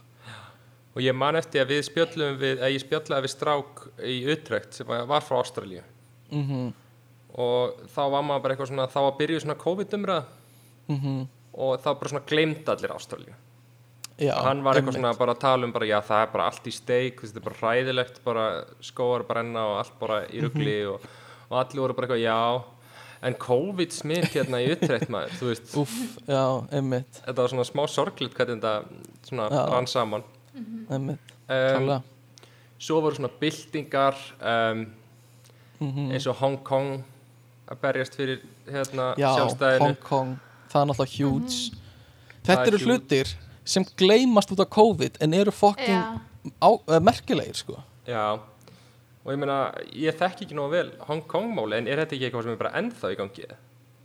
Jú, Ég ég er ekki frá því sko en Kína náttúrulega herti svolítið verulega tökinn Já, hana í byrjun eh, í kringu 2020 og og þetta var, var ekki 2019 sem voru miklu óverðir hana og, og hérna Jú, og bara Kína náttúrulega bara þú veist, það er eins og Hong Kong búar vilja ekki vera undir Kína en Kína bara eins og það gerði með Tíbet bara mæn og tekur það, mæn, já, já, já þetta It's mine.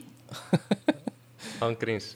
Uh, Já, svo náttúrulega Black Lives Matter byltingin, mm huge, mjög stór huge. um, það var mjög áhugavert svona, þetta var samfélagsmeila bylting Já. uh, eins og svo margar aðrar með þessu blackout Tuesday eða eitthvað sliðis Já, uh, og, og þú veist allt þú veist, mjög flott í kringum hann eða svona þú veist, fallegt að það sé svona mikið samstaða uh, hjá mörgum. Uh, svo voru náttúrulega margir með All Lives Matter sem uh, svolítið stúbid en, en hérna það er þetta sko hvernig átt að taka þátt í svona byltingu? Eða í svona samfélagsmeila byltingu af því það var fullt af fólki sem var að taka þátt uh, og svo allt í hennu er það gaggreint fyrir að gera þetta á vittlisum forsendum. Eða þú veist, það var já. frekar að stíga til hliðar og leifa öðru fólki að, að segja sinn sannleika einhvern veginn. Já, uh, sem ég veit ekki alveg með svona samfélagsmeila byltingar að þessu leiti sko, það er þú veist það er þú veist uh, mér finnst ofta eins og hvað sem þú ert að reyna að gera sé það ekki það rétta. Um, af því það þú vilt bara hjálpa og þú vilt sína samstöðu. Já, og, en þú gerir það á vilt svona hátt eitthvað svona, já.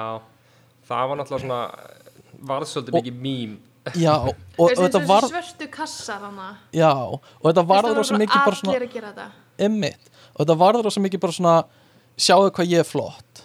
Já, og, já. og hérna þú veist þetta var bara svona þing sem líka samfélagsmiðla stjörnur voru að taka þátt í og maður veit ekki á hvaða forstum það er, er það til að fá lækin eða er það virkilega því þau finnst það að þetta skipta máli þú veist, Já, bara svona það- alveg eins og hana núna er náttúrulega Me Too það kom önnur Me Too bil- bylting eftir sölvamáli og það allt er snæg eil, önnur ný, ný bylting. Mm og hann að og um, og þá voru allir að posta á Instagram með að ef ég er að followa mannesku sem hefur farið í mörkiðin eða nauðgæðir þá Mhm. láttum við vita að að unfollowa. Unfollowa. Og svo hann að og svo lætur fólk svo sendir fólk, já, viltu unfollowa þannig, hann hefur Mhm. farið í mín mörk. Og þá segir fólki bara nei, æ, sorry, hann er ekki eitthvað vinnu minn. Eða eitthvað svona, æ, hann er gett vel þættur og eitthvað svona skilji og maður er bara eitthvað svona why are you doing this? Í staðin bara hætt, ekki setja þetta í stórið ef þú getur ekki tekið þessu af því að þessi manneski þurft að fara out of their way að láta þið vita því að hún af því að henni finnst óþægilegt af því að þau heldur genuinely að manneskjan vildi ekki vera að followa skilju klálega. Uh, og, og það líka sko það sem var svolítið áhugavert við þá byltingu sorry, þú mátt klára þetta er svona, einmitt það sem við tala um, með þessa samfélagsmiðla. Hvað svona samfélagsmiðla byltinga geta líka verið brenglar eins og með þetta ógisla þessa brenglar svörtu kassa sem er bara eitthvað svona Mhm, bara, ertu í alveg að sína stuðningu ertu bara eitthvað, Æ, ég veit ekki, þetta er svo feik mér finnst það allt svo feik bara, mér finnst það líka, mér finnst það ógisla feik oft. En, en með þessa MeToo-byltingu sem var nýlega er það er svolítið Já. áhugavert sko að í henni var verið að hvetja fólk uh, ekki bara þú veist gefið pláss og leifið fólkinu sem á að tala að tala heldur þú veist hvetja alla til að taka þátt í umræðinni einhvern veginn uh, er, var ég ekki skinnið það rétt þú veist að, að líka strákar ætti að koma og segja þú veist uh, frá þeirra reynslu og, jú, jú, jú og þú veist, þú veist, og líka bara segja að strákar ætti að koma og segja bara, þú veist, já, þú veist ég farið um mörg og ég mm. -hmm. kannski leita mér sálfræðhjálpar og þú veist, Mhm. af því að þú veist það er ekki tölfræðilega hægt að það hefur ein, ein okkur um fimm stelpum verið nauka en það var engi strákar nauka einmitt. og það voru bara strákar að koma fram og segja þú veist, og, Mhm. og þú veist og, og um þetta, ég er svo með þetta skilju þú veist, Mhm. mér finnst þessi þú veist, fólk á líka geta bætt sig og þú veist og komið tilbaka í einhverju málum skilur og leita sér hjálpar og þú veist Mhm, og unni í sínu málum þú veist mhm. En, en ég minnst að mér er að tala um þetta en, en, Mhm. en veist þessi culture er líka alveg smá flókin. Já, einmitt, og klálega þú veist og hann að og þá voru strákur að koma fram og segja bara já, þú veist, ég hef gert svona en ég gerði þetta til þess að leita mér hjálpar. Ég mælum þessum sálfræðing og, og þú veist, og, og ég, svona hjálpaði ég sjálfur mér og svona baðist ég afsökunar og þú veist og ég, ég, ég tók skömmin eða þú veist, ég, ég, hvað segir maður? Mhm, hann var ekki að gera eins og sumir skömminni tónlistamenn og, og bara gera lítið úr sögum annara sem þeir vissu auðvitað þeir hafi Þú veist, einmitt. það vissi upp þessu söguna skilju og líka sölvi skilju Mhm. þannig að en, Mér finnst það líka að vera mér finnst það líka að vera svolítið erfitt oft eitthvað sem að ég hef ekki svari við. Mhm. en mér finnst svolítið erfitt með svona byltingar er einhvern veginn það, það hafa allir skoðun Mhm, en ég er einhvern veginn ekki viss um það í haustum á mér hvort að mér finnist að allir eigi að hafa skoðun. Að það meika sens, þannig að mér finnst eins og svona þú veist, ég hef oft spurt mig eins og til dæmis bara Black Lives Matter baráttan. Mhm, þá svona eh, auðvitað er þetta barátta sem er gott að sé stuðningur allstað frá og svo leiðis mhm. en mér finnst á sama tíma þú veist, það er kannski skrítið að vera svona, hafa mjög sterka skoðun á því ef þú er alla æfi alist upp á Íslandi.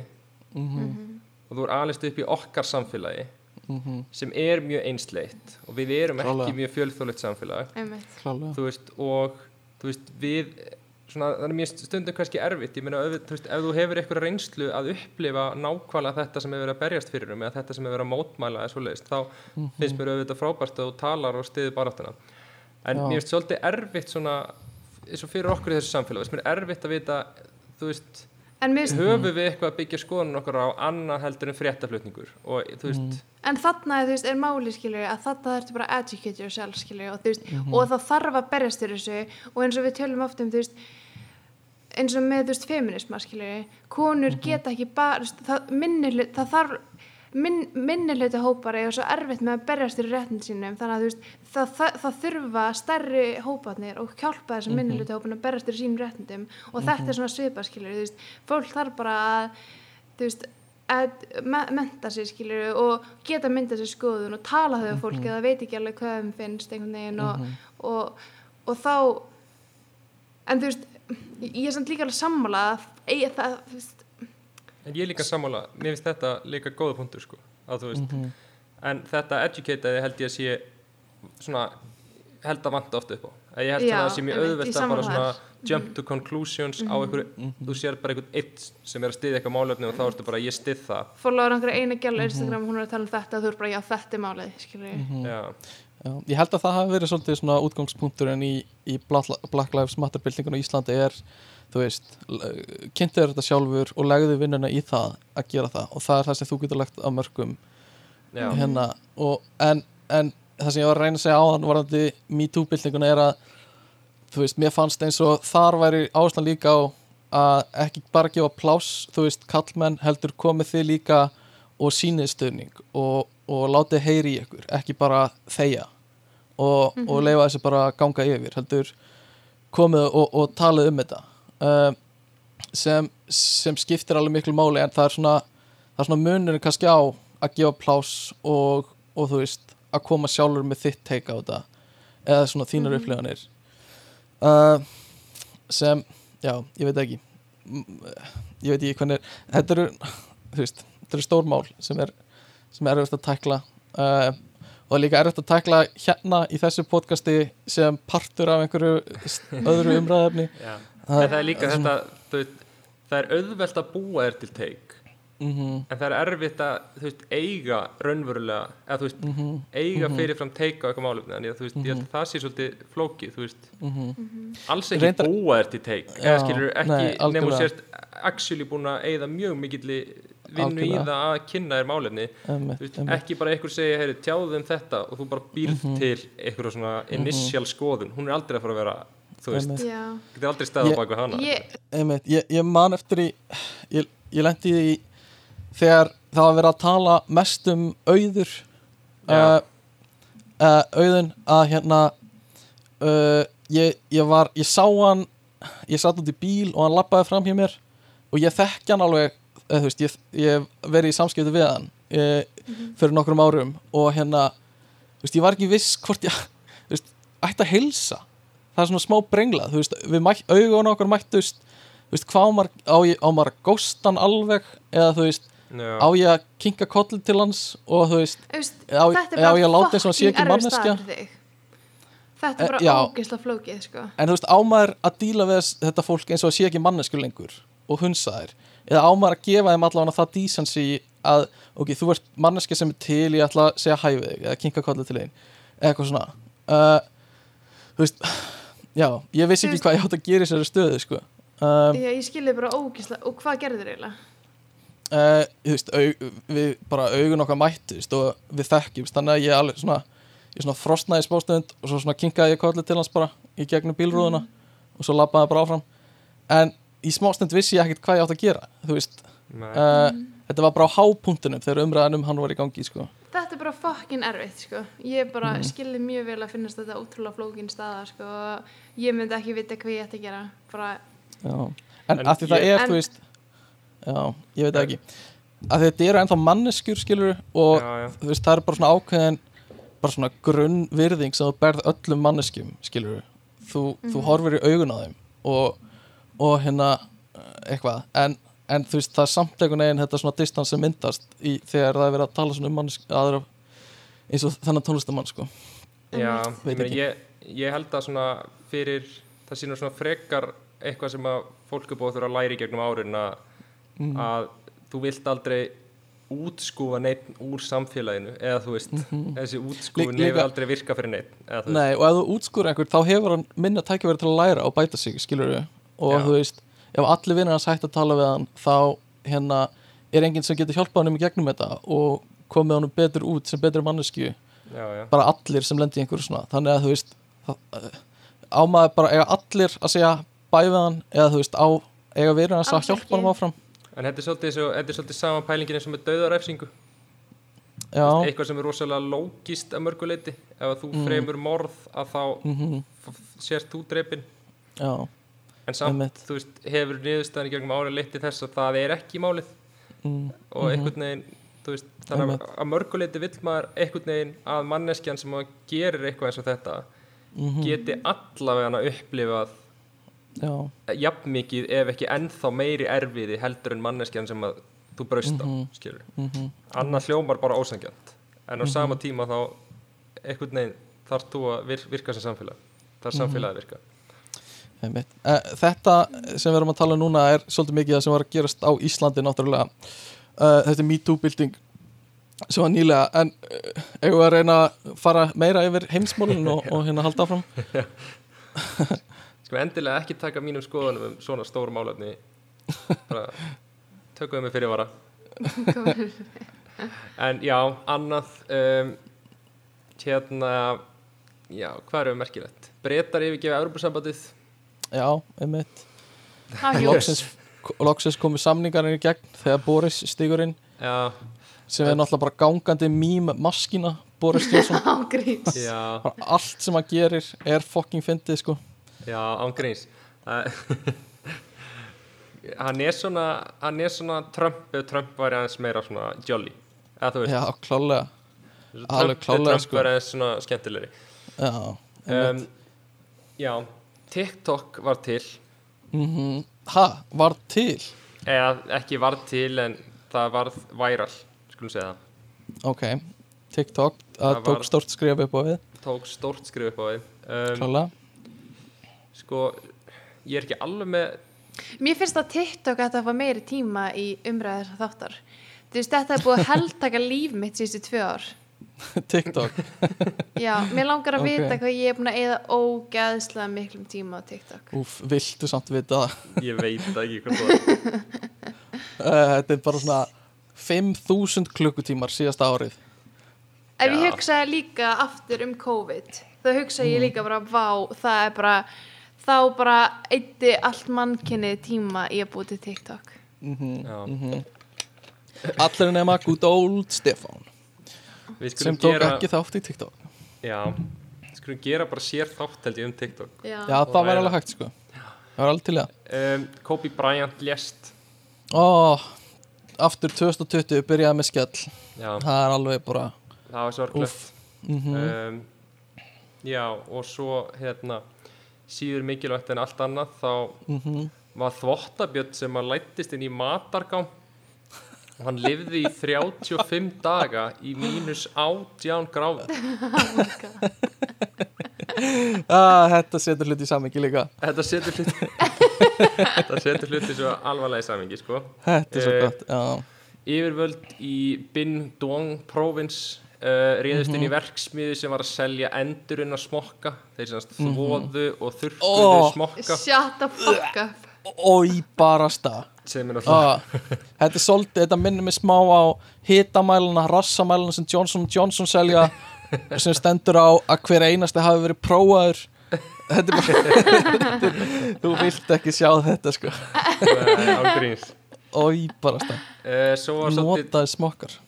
Svo var svolítið svona, svona hérna, skríti mál sem sagt í Britanníu í Fraklandi Britanníu Ós, Britanníu hérna, já, þá Ok. hérna það var svona Garfield símtæki sem bara byrju, eru svona búin að vera að stranda reka á land Garfield Já, símtæki. skemmtilegt Í- Garfield.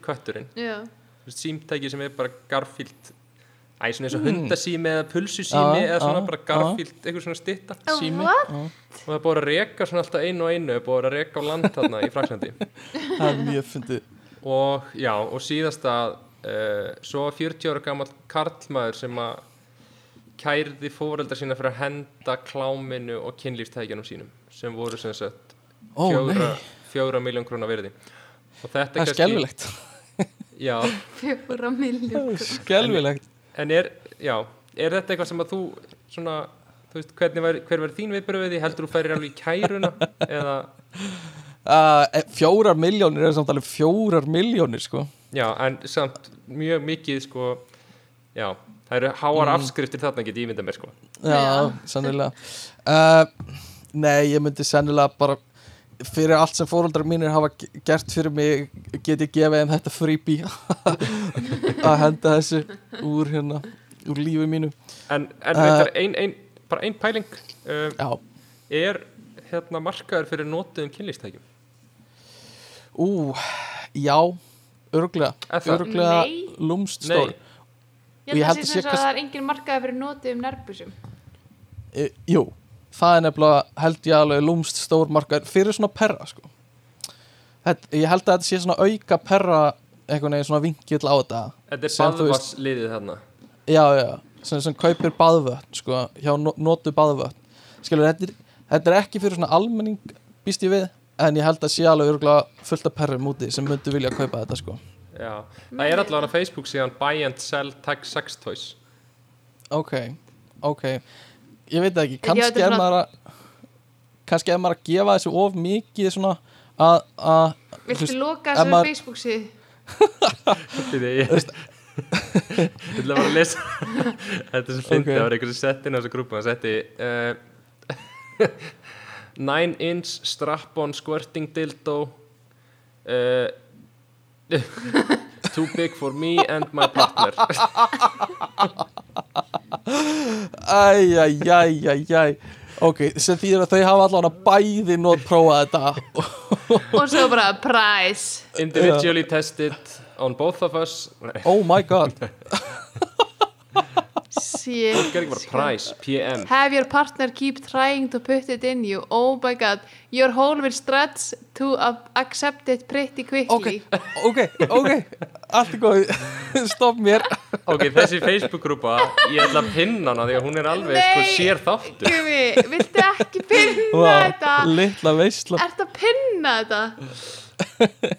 Ég ætla að Ok. pinna þetta undir heimanám. Heiman uh, Ég held Að sé alveg- Ég held að þetta sé lúmst stór markaði sko. Já, um, Ok, en, en ef við færum okkur yfir á Ísland komum Já. heim aðeins, hvað er búið að vera að gerast á Íslandi? Uh, það er náttúrulega nei, ok, sorry, árum fyrir mig það. Eitt sem gerist, búið að vera að gerast í heiminu líka mjög mikið, mér finnst rafmyndir vera að koma svolítið stertinn og Já. kannski sérstaklega fyrir hluta þessa árs. Það var mikið, mikið, mikið talað um krypto já Uh, og við höfum nú aðeins rætt hérna þannig að ég nenni ekki að ræða þetta mikið en, en mér varst bara verðt að nefna að það var alveg svona svolítið stór partur sko sem var að gerast. Um, en allavega uh, á Íslandi uh, það var náttúrulega eldgósið núna í byrjun svona síðasta apríl. Það hefur verið huge og það er eiginlega alla fréttir á Íslandi voru bara COVID eða eldgósið á sínum tíma. Já, ræðilegt um, já, sem var svona uh, leðilegt fyrir Boga Ágússon vinn minn, minn mikla vinn að að alltaf að lesa þetta sama sko. Ert þú búin að sjá eldgósið? nei, ég er ekki, ég er einn af svona, kannski svona þremur Íslendingum sem hafa ekki farað að labba Grín, sko. þannig að Shit, já það inni hvað, Er ekki Ég- það ekki á planinu? jú, það hefur alltaf verið á plannu en einhvern veginn, alltaf þegar ég ætla að fara þá hefur eitthvað komið upp á en, en ég mun sjá það já, mark my words sko. Ég get sínt þér myndbönd ok, gott, þú átt ein af ég, ok, þetta er svona svipað að taka myndbönd á, á Tónleikum. það er svona miljón betri myndbönd til en þú hugsa samt já, mitt myndband, ég, mitt myndband verður, það er eitthvað sem ég mun vilja sjá. Nú fer ég með drónan. Já, nú fer ég með drónan minn uh, allavega, sko ég er með mest le lesnu fréttir ársins 2020 á fréttablaðinu. Ok, og surprise surprise er mikið af COVID fréttum hérna. Og það talaði um sko, fimmta döðsfalli hjá COVID var mjög mikið lesið. Um, þetta var svona í byrjun í fyrstu bylginni og svo er Þóra Arnórsdóttir sem Arnór, Arnórsdóttir fréttakona sem bjó á Ítalju og verið að tala við hana snemma í faraldrinum uh, og hún var að hamstra vörur hún er hamstur uh, þetta er svona eins og þegar við vorum að hamstra út í Hollandi á sínum tíma uh, Býtu, var hún var, var fréttin um að hún var að hamstra Var hún me- Nei, mesta það var bara- lesta frétt á. Íslandi? hvað segir ég? Var hún- Var það mesta lesta frétt á Íslandi? Ja, níunda, níunda mest lesna frétt á Íslandi er Þóra að segja frá reynslu sinna á Ítalíu og hún var að segja að hún hefði farið að kaupa svolítið vel inn í matinn. Uh, og svo er verið að tala um mannski sem var fróðufellandi á laugaveginum og lauruglan vildi ekki koma og hjálpa uh, á sínu tíma. Svo voru fréttir um að Kim Jong-un væri sprelllifandi. Það komið hana fréttir að, að Kim væri dáin mm. mögulega Já, og alveg Íslendingar Íslendingar eru mjög fegnir að hann sé lifandi sko. þeir bara klikka strax þegar ég sjá að Kim, Kimsen sé lifandi sko. sæti minn, besti minn.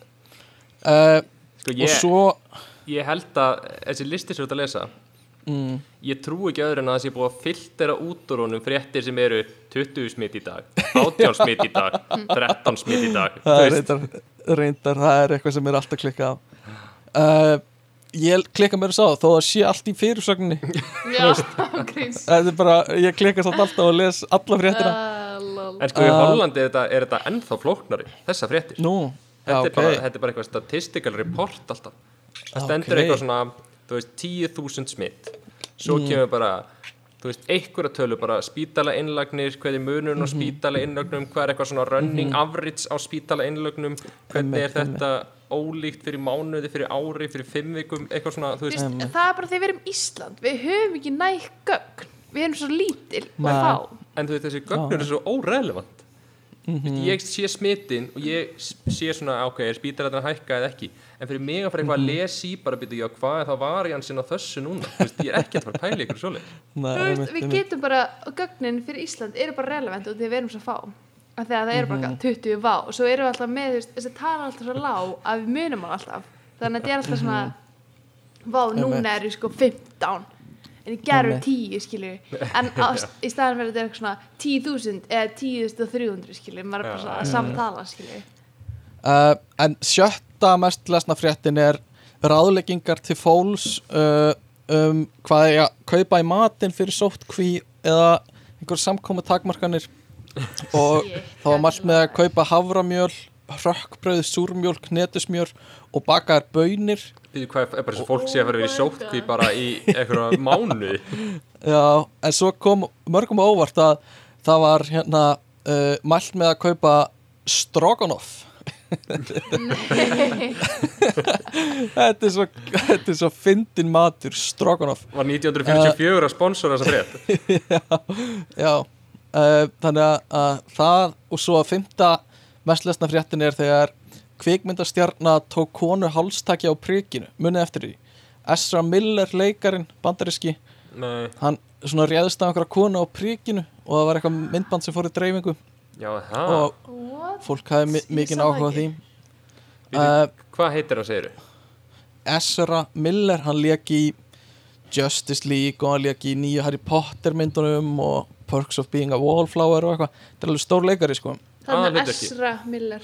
Já, Já, Uh, já, já, og hann hérna, það var myndband af honum að ráðast á konu sko. Uh, Ráðast á hana bara? já, taka hann að hálstakki og eitthvað svona. Þetta var svolítið gróft sko. Fuck, Svo og hvað fór hann ekki fangilsi eða? um, nei, ég veit ekki alveg baksjónu baku það sko.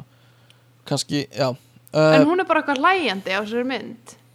mhm, mhm kannski, þú veist, ba, var eitthvað svona átt að vera eitthvað grín og sem fór á langt eða eitthvað, ég er ekki alveg klárað því. Uh, svo eru uh, einhverja fréttir um einhver svona andlát og eitthvað og svo þriði mest lesna fréttin er hérna eftirförun á sæbrautinni þar sem maðurinn í, í, í steipubílnum Ah, var þetta. á grasinu. Er eitthvað betra á Íslandi heldur en svona eftir för í Nei. einhver svona þannig frétt Já, fólk, að þetta er spennandi sko. Veistu, ég hleyp Þarna- alltaf beint, beint út sko. Já, þú náttúrulega ert að vinna þannig að það sem að kerði framhjá sko. Þú hefði getað séð hann sko. Þú getur hoppa út. Já Mhm. einmitt, það, einmitt öll hæðin var bara það var bara, voru allir að fylgjast með? Já, þetta var Uh, rosalegt sko. Þetta var svolítið, þetta var stórt þetta var líka allir að po- pósta með þetta á, á Twitter og eitthvað Svo er fréttum um, strák sem var í bandina Spubba þáttunum sem var í það mikið einelt en hann er hættur að koma til Íslands. Já, var, og var, það, var það annars? Um, sem ég þekki ekki alveg nógu vel sko söguna bak við það. Var það hérna það bara gepp bara veðbala, gæinn? Uh, Já, sennilega. Uh, sennilega, ég er ekki alveg kláraði en það hljóma rétt sko. Og hann bara, fólk er að leggja í það mikið einelt en hann, hann vil líka koma heim. Og síðasta fréttin er frétt sem er uh, ekki bara flensa. Þar sem er verið að tala við mannesku sem fjakk COVID í fyrsta bylgju og sem var í skíðaferð á Ítalíu og hérna segir að þetta hafi verið svaka svaka mikið mál já, og allir Íslandingar hafa sannlega farið bara í panik eftir það. Shit, hvað Þannig hérna flautu umræðan úr skíðabrekkunum. Mhm. hún er eitthvað svo órelevant í dag.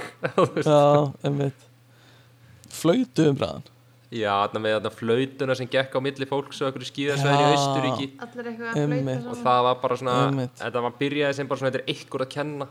Já, einmitt, eitthvað skíðalið Þið komum með þetta. Já, helvítin ykkar einmitt. Um, en allavega, þannig að þetta var uh, mest lestu fréttinar á Íslandi.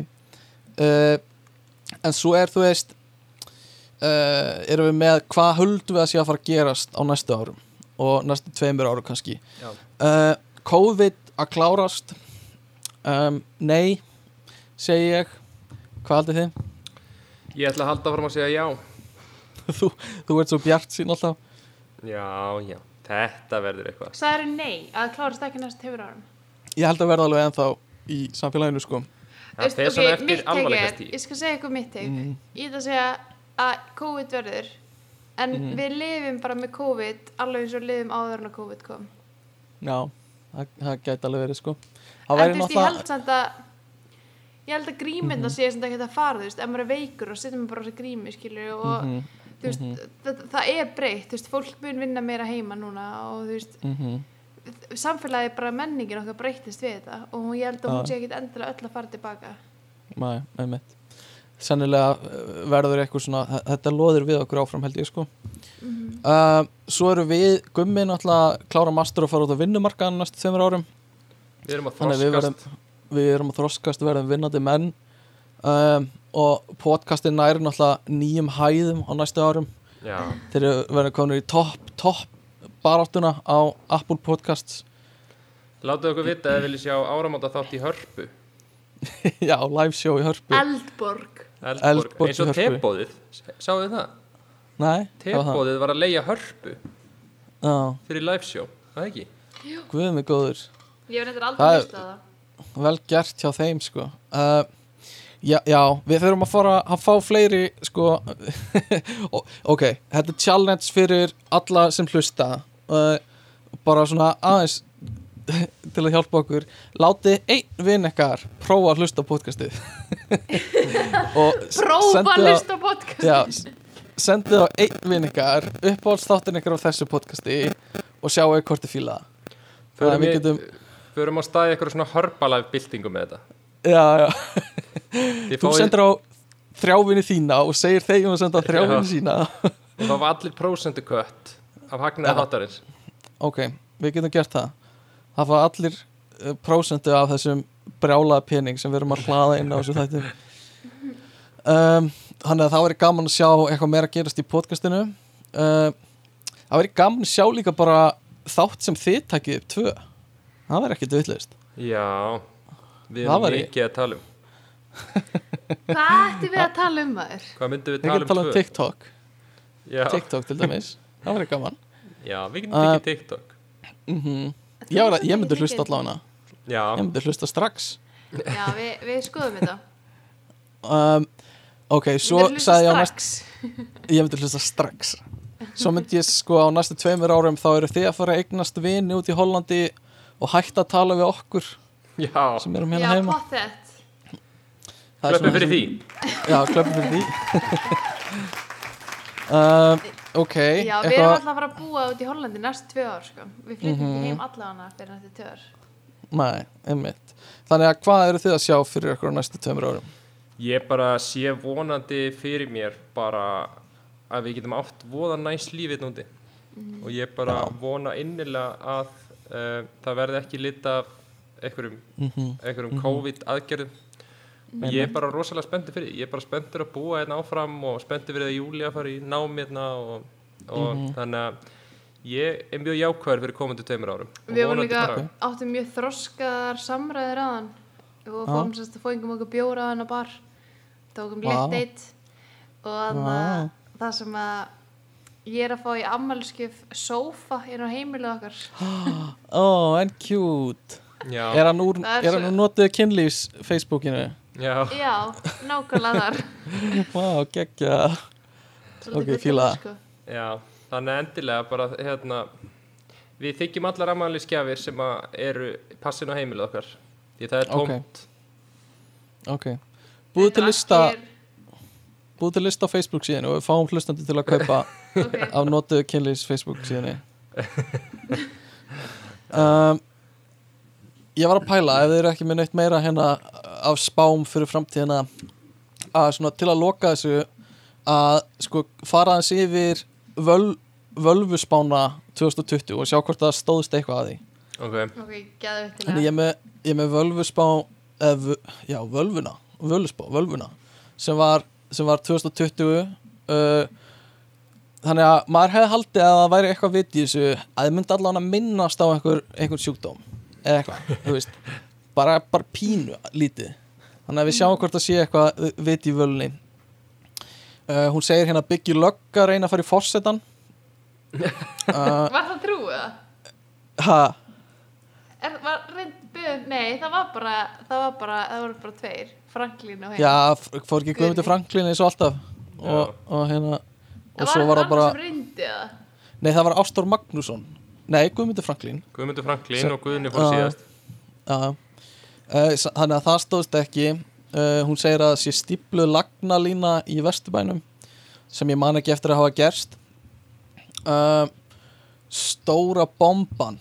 Árið hefst af miklu fjöri þegar eldsvoði við grjóta þorpiðinu á 13. hleypur lífi í frumvarp um blátt bann við notun, notkun almennings á flugöldum í engaegu Vá, Um, er, er völvan bara, er þetta eitthvað extensive research sem völvan er að fara í?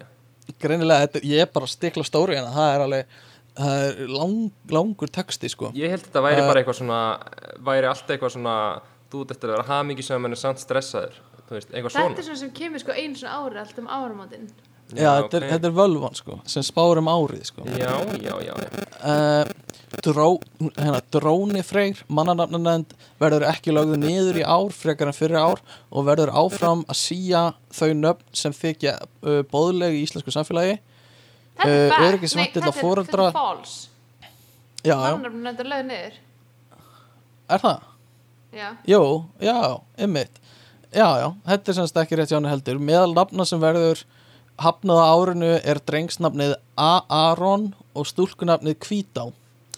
Uh, og þá verða samþykkt drengsnöfnin Dróni og Króli og stúlknanöfnin Lár, Pera og Tesla. Man ekki man ekki eftir að hafa að lesa um það. Það er svo ógeðslega fyndið að heita Lárpera.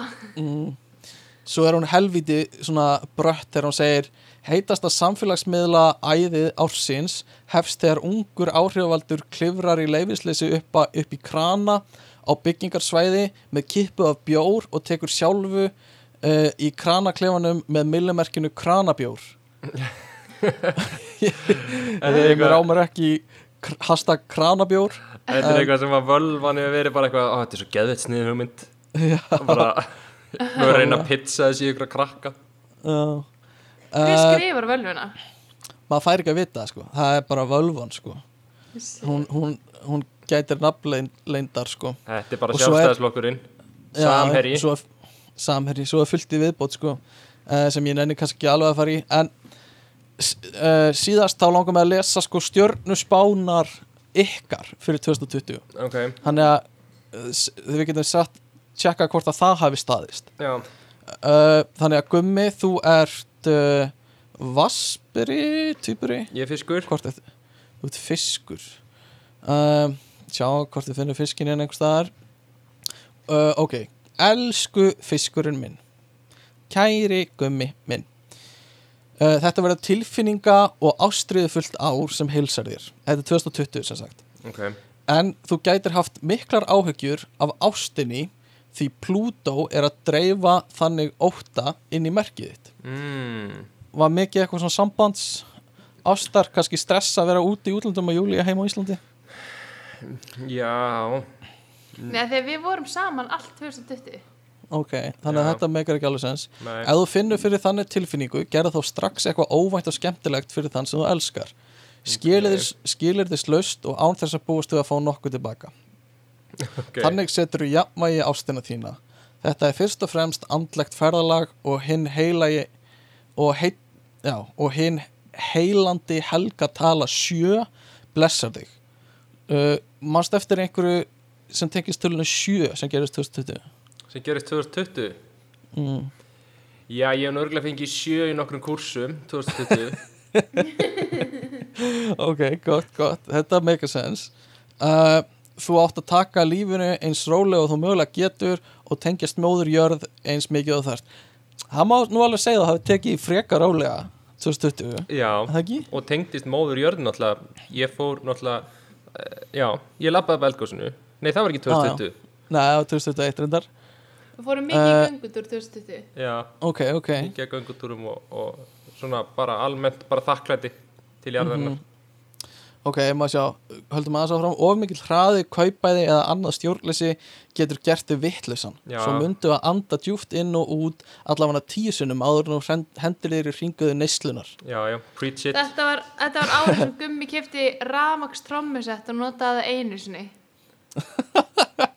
Uh, uh, Ok, og svo er bara ekkert mikið, mikið meira. Mæ kemur samt til þín á miklum hraða og gefur þér heppni í fjárfestningum og að taka ákvörðun einn. Þú kefti náttúrulega krypto var möguleg í mæ eða eitthvað svo leiðis Nei, þetta er 2020 sko. Já, ok, ok. Hann er ekki það. Um, En Júlia Ef að kíkja þig. En það geti verið að tala um ramastrómasettið Já, það getur verið að tala um Ég En. Júlia Sif Hvaða stjórnumverk erst þú? Ég er meia Meia, pei- meia pleia Meian Elsku bleian mín. Júpiter verður Hvað vantaði- mikið af Hvað vantaði hlátur að fettir hana? ah, Bleian mín. Júpiter verður mikið af ferðalagi í lífi þínu á þessu ári. Sérstaklega tengt fjölskyldu og heimili þar sem, koma, uh, þar sem er að koma mikil vegferð, velferð. Aprílmánuður er einu mánuðurinn sem ég ætla að vara þig sérstaklega við því þar myndast allskins hindranir og þér finnst þú vera föst. Svo ekki taka neinar mikilvægar ákvarðanir í þeim mánuði. Heldur leiðunum bara að sigla eins rólega framhjóð þér er und Okay, Þetta COVID, er satt. Ég var Ok. föst í Hollandi. Först í Hollandi í apríl. Ok, uh, get séð það. Ekki taka neinar ákvarðanir þá.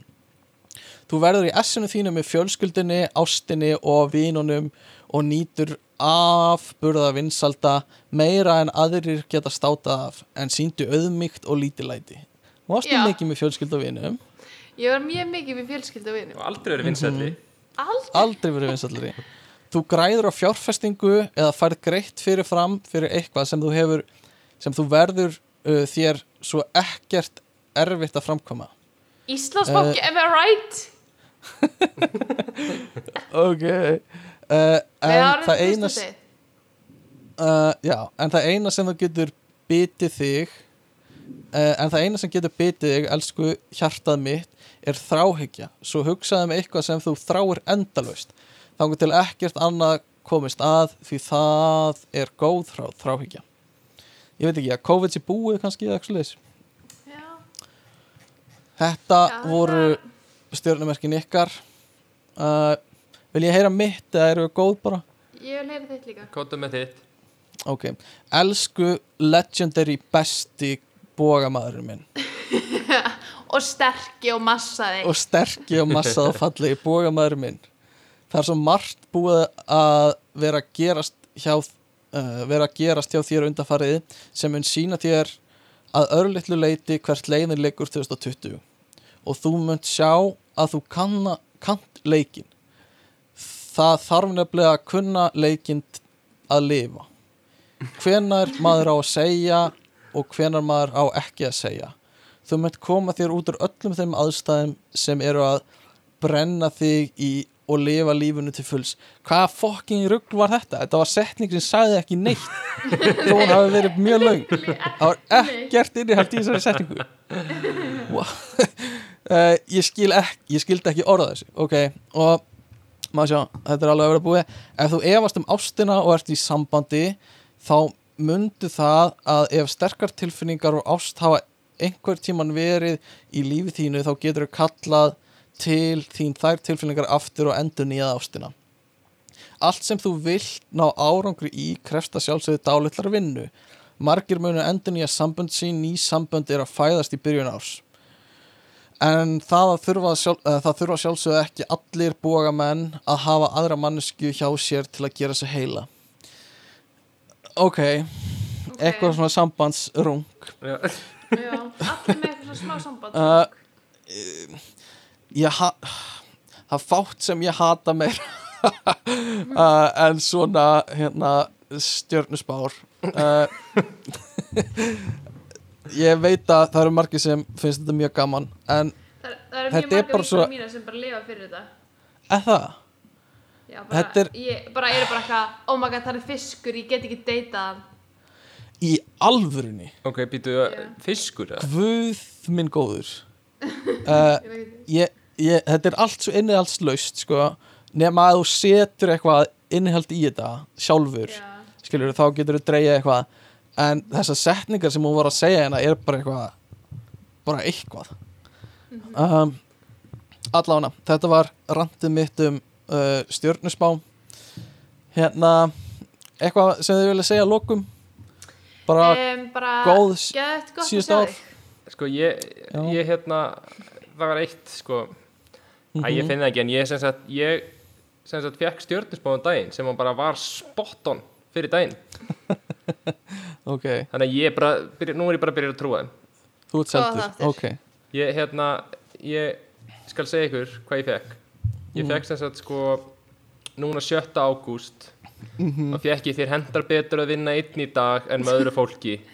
Þú ert reyndar alls ekki í skapi til að blanda geði við annað fólk.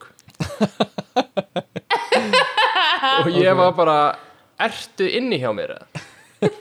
Þeir gætu sett þetta hjá mér svona annarkvæmt dag og haft rétt fyrir sér annarkvæmt dag. Ok, mér finnst það líka svo ógeðslega fyndið að ég sé Gummi leita að þessu í tjattur okkar og ég hef séð þetta og ekki lesið þetta og örgulega sagði eitthvað ha? En það er ógeðslega fyndið. Ángrís, allt komedi sem Júlia missir af inn í tjattin okkar. En segir satt alltaf haha já. en lesi ekki eins og skilabóð Eitthvað auto-reply.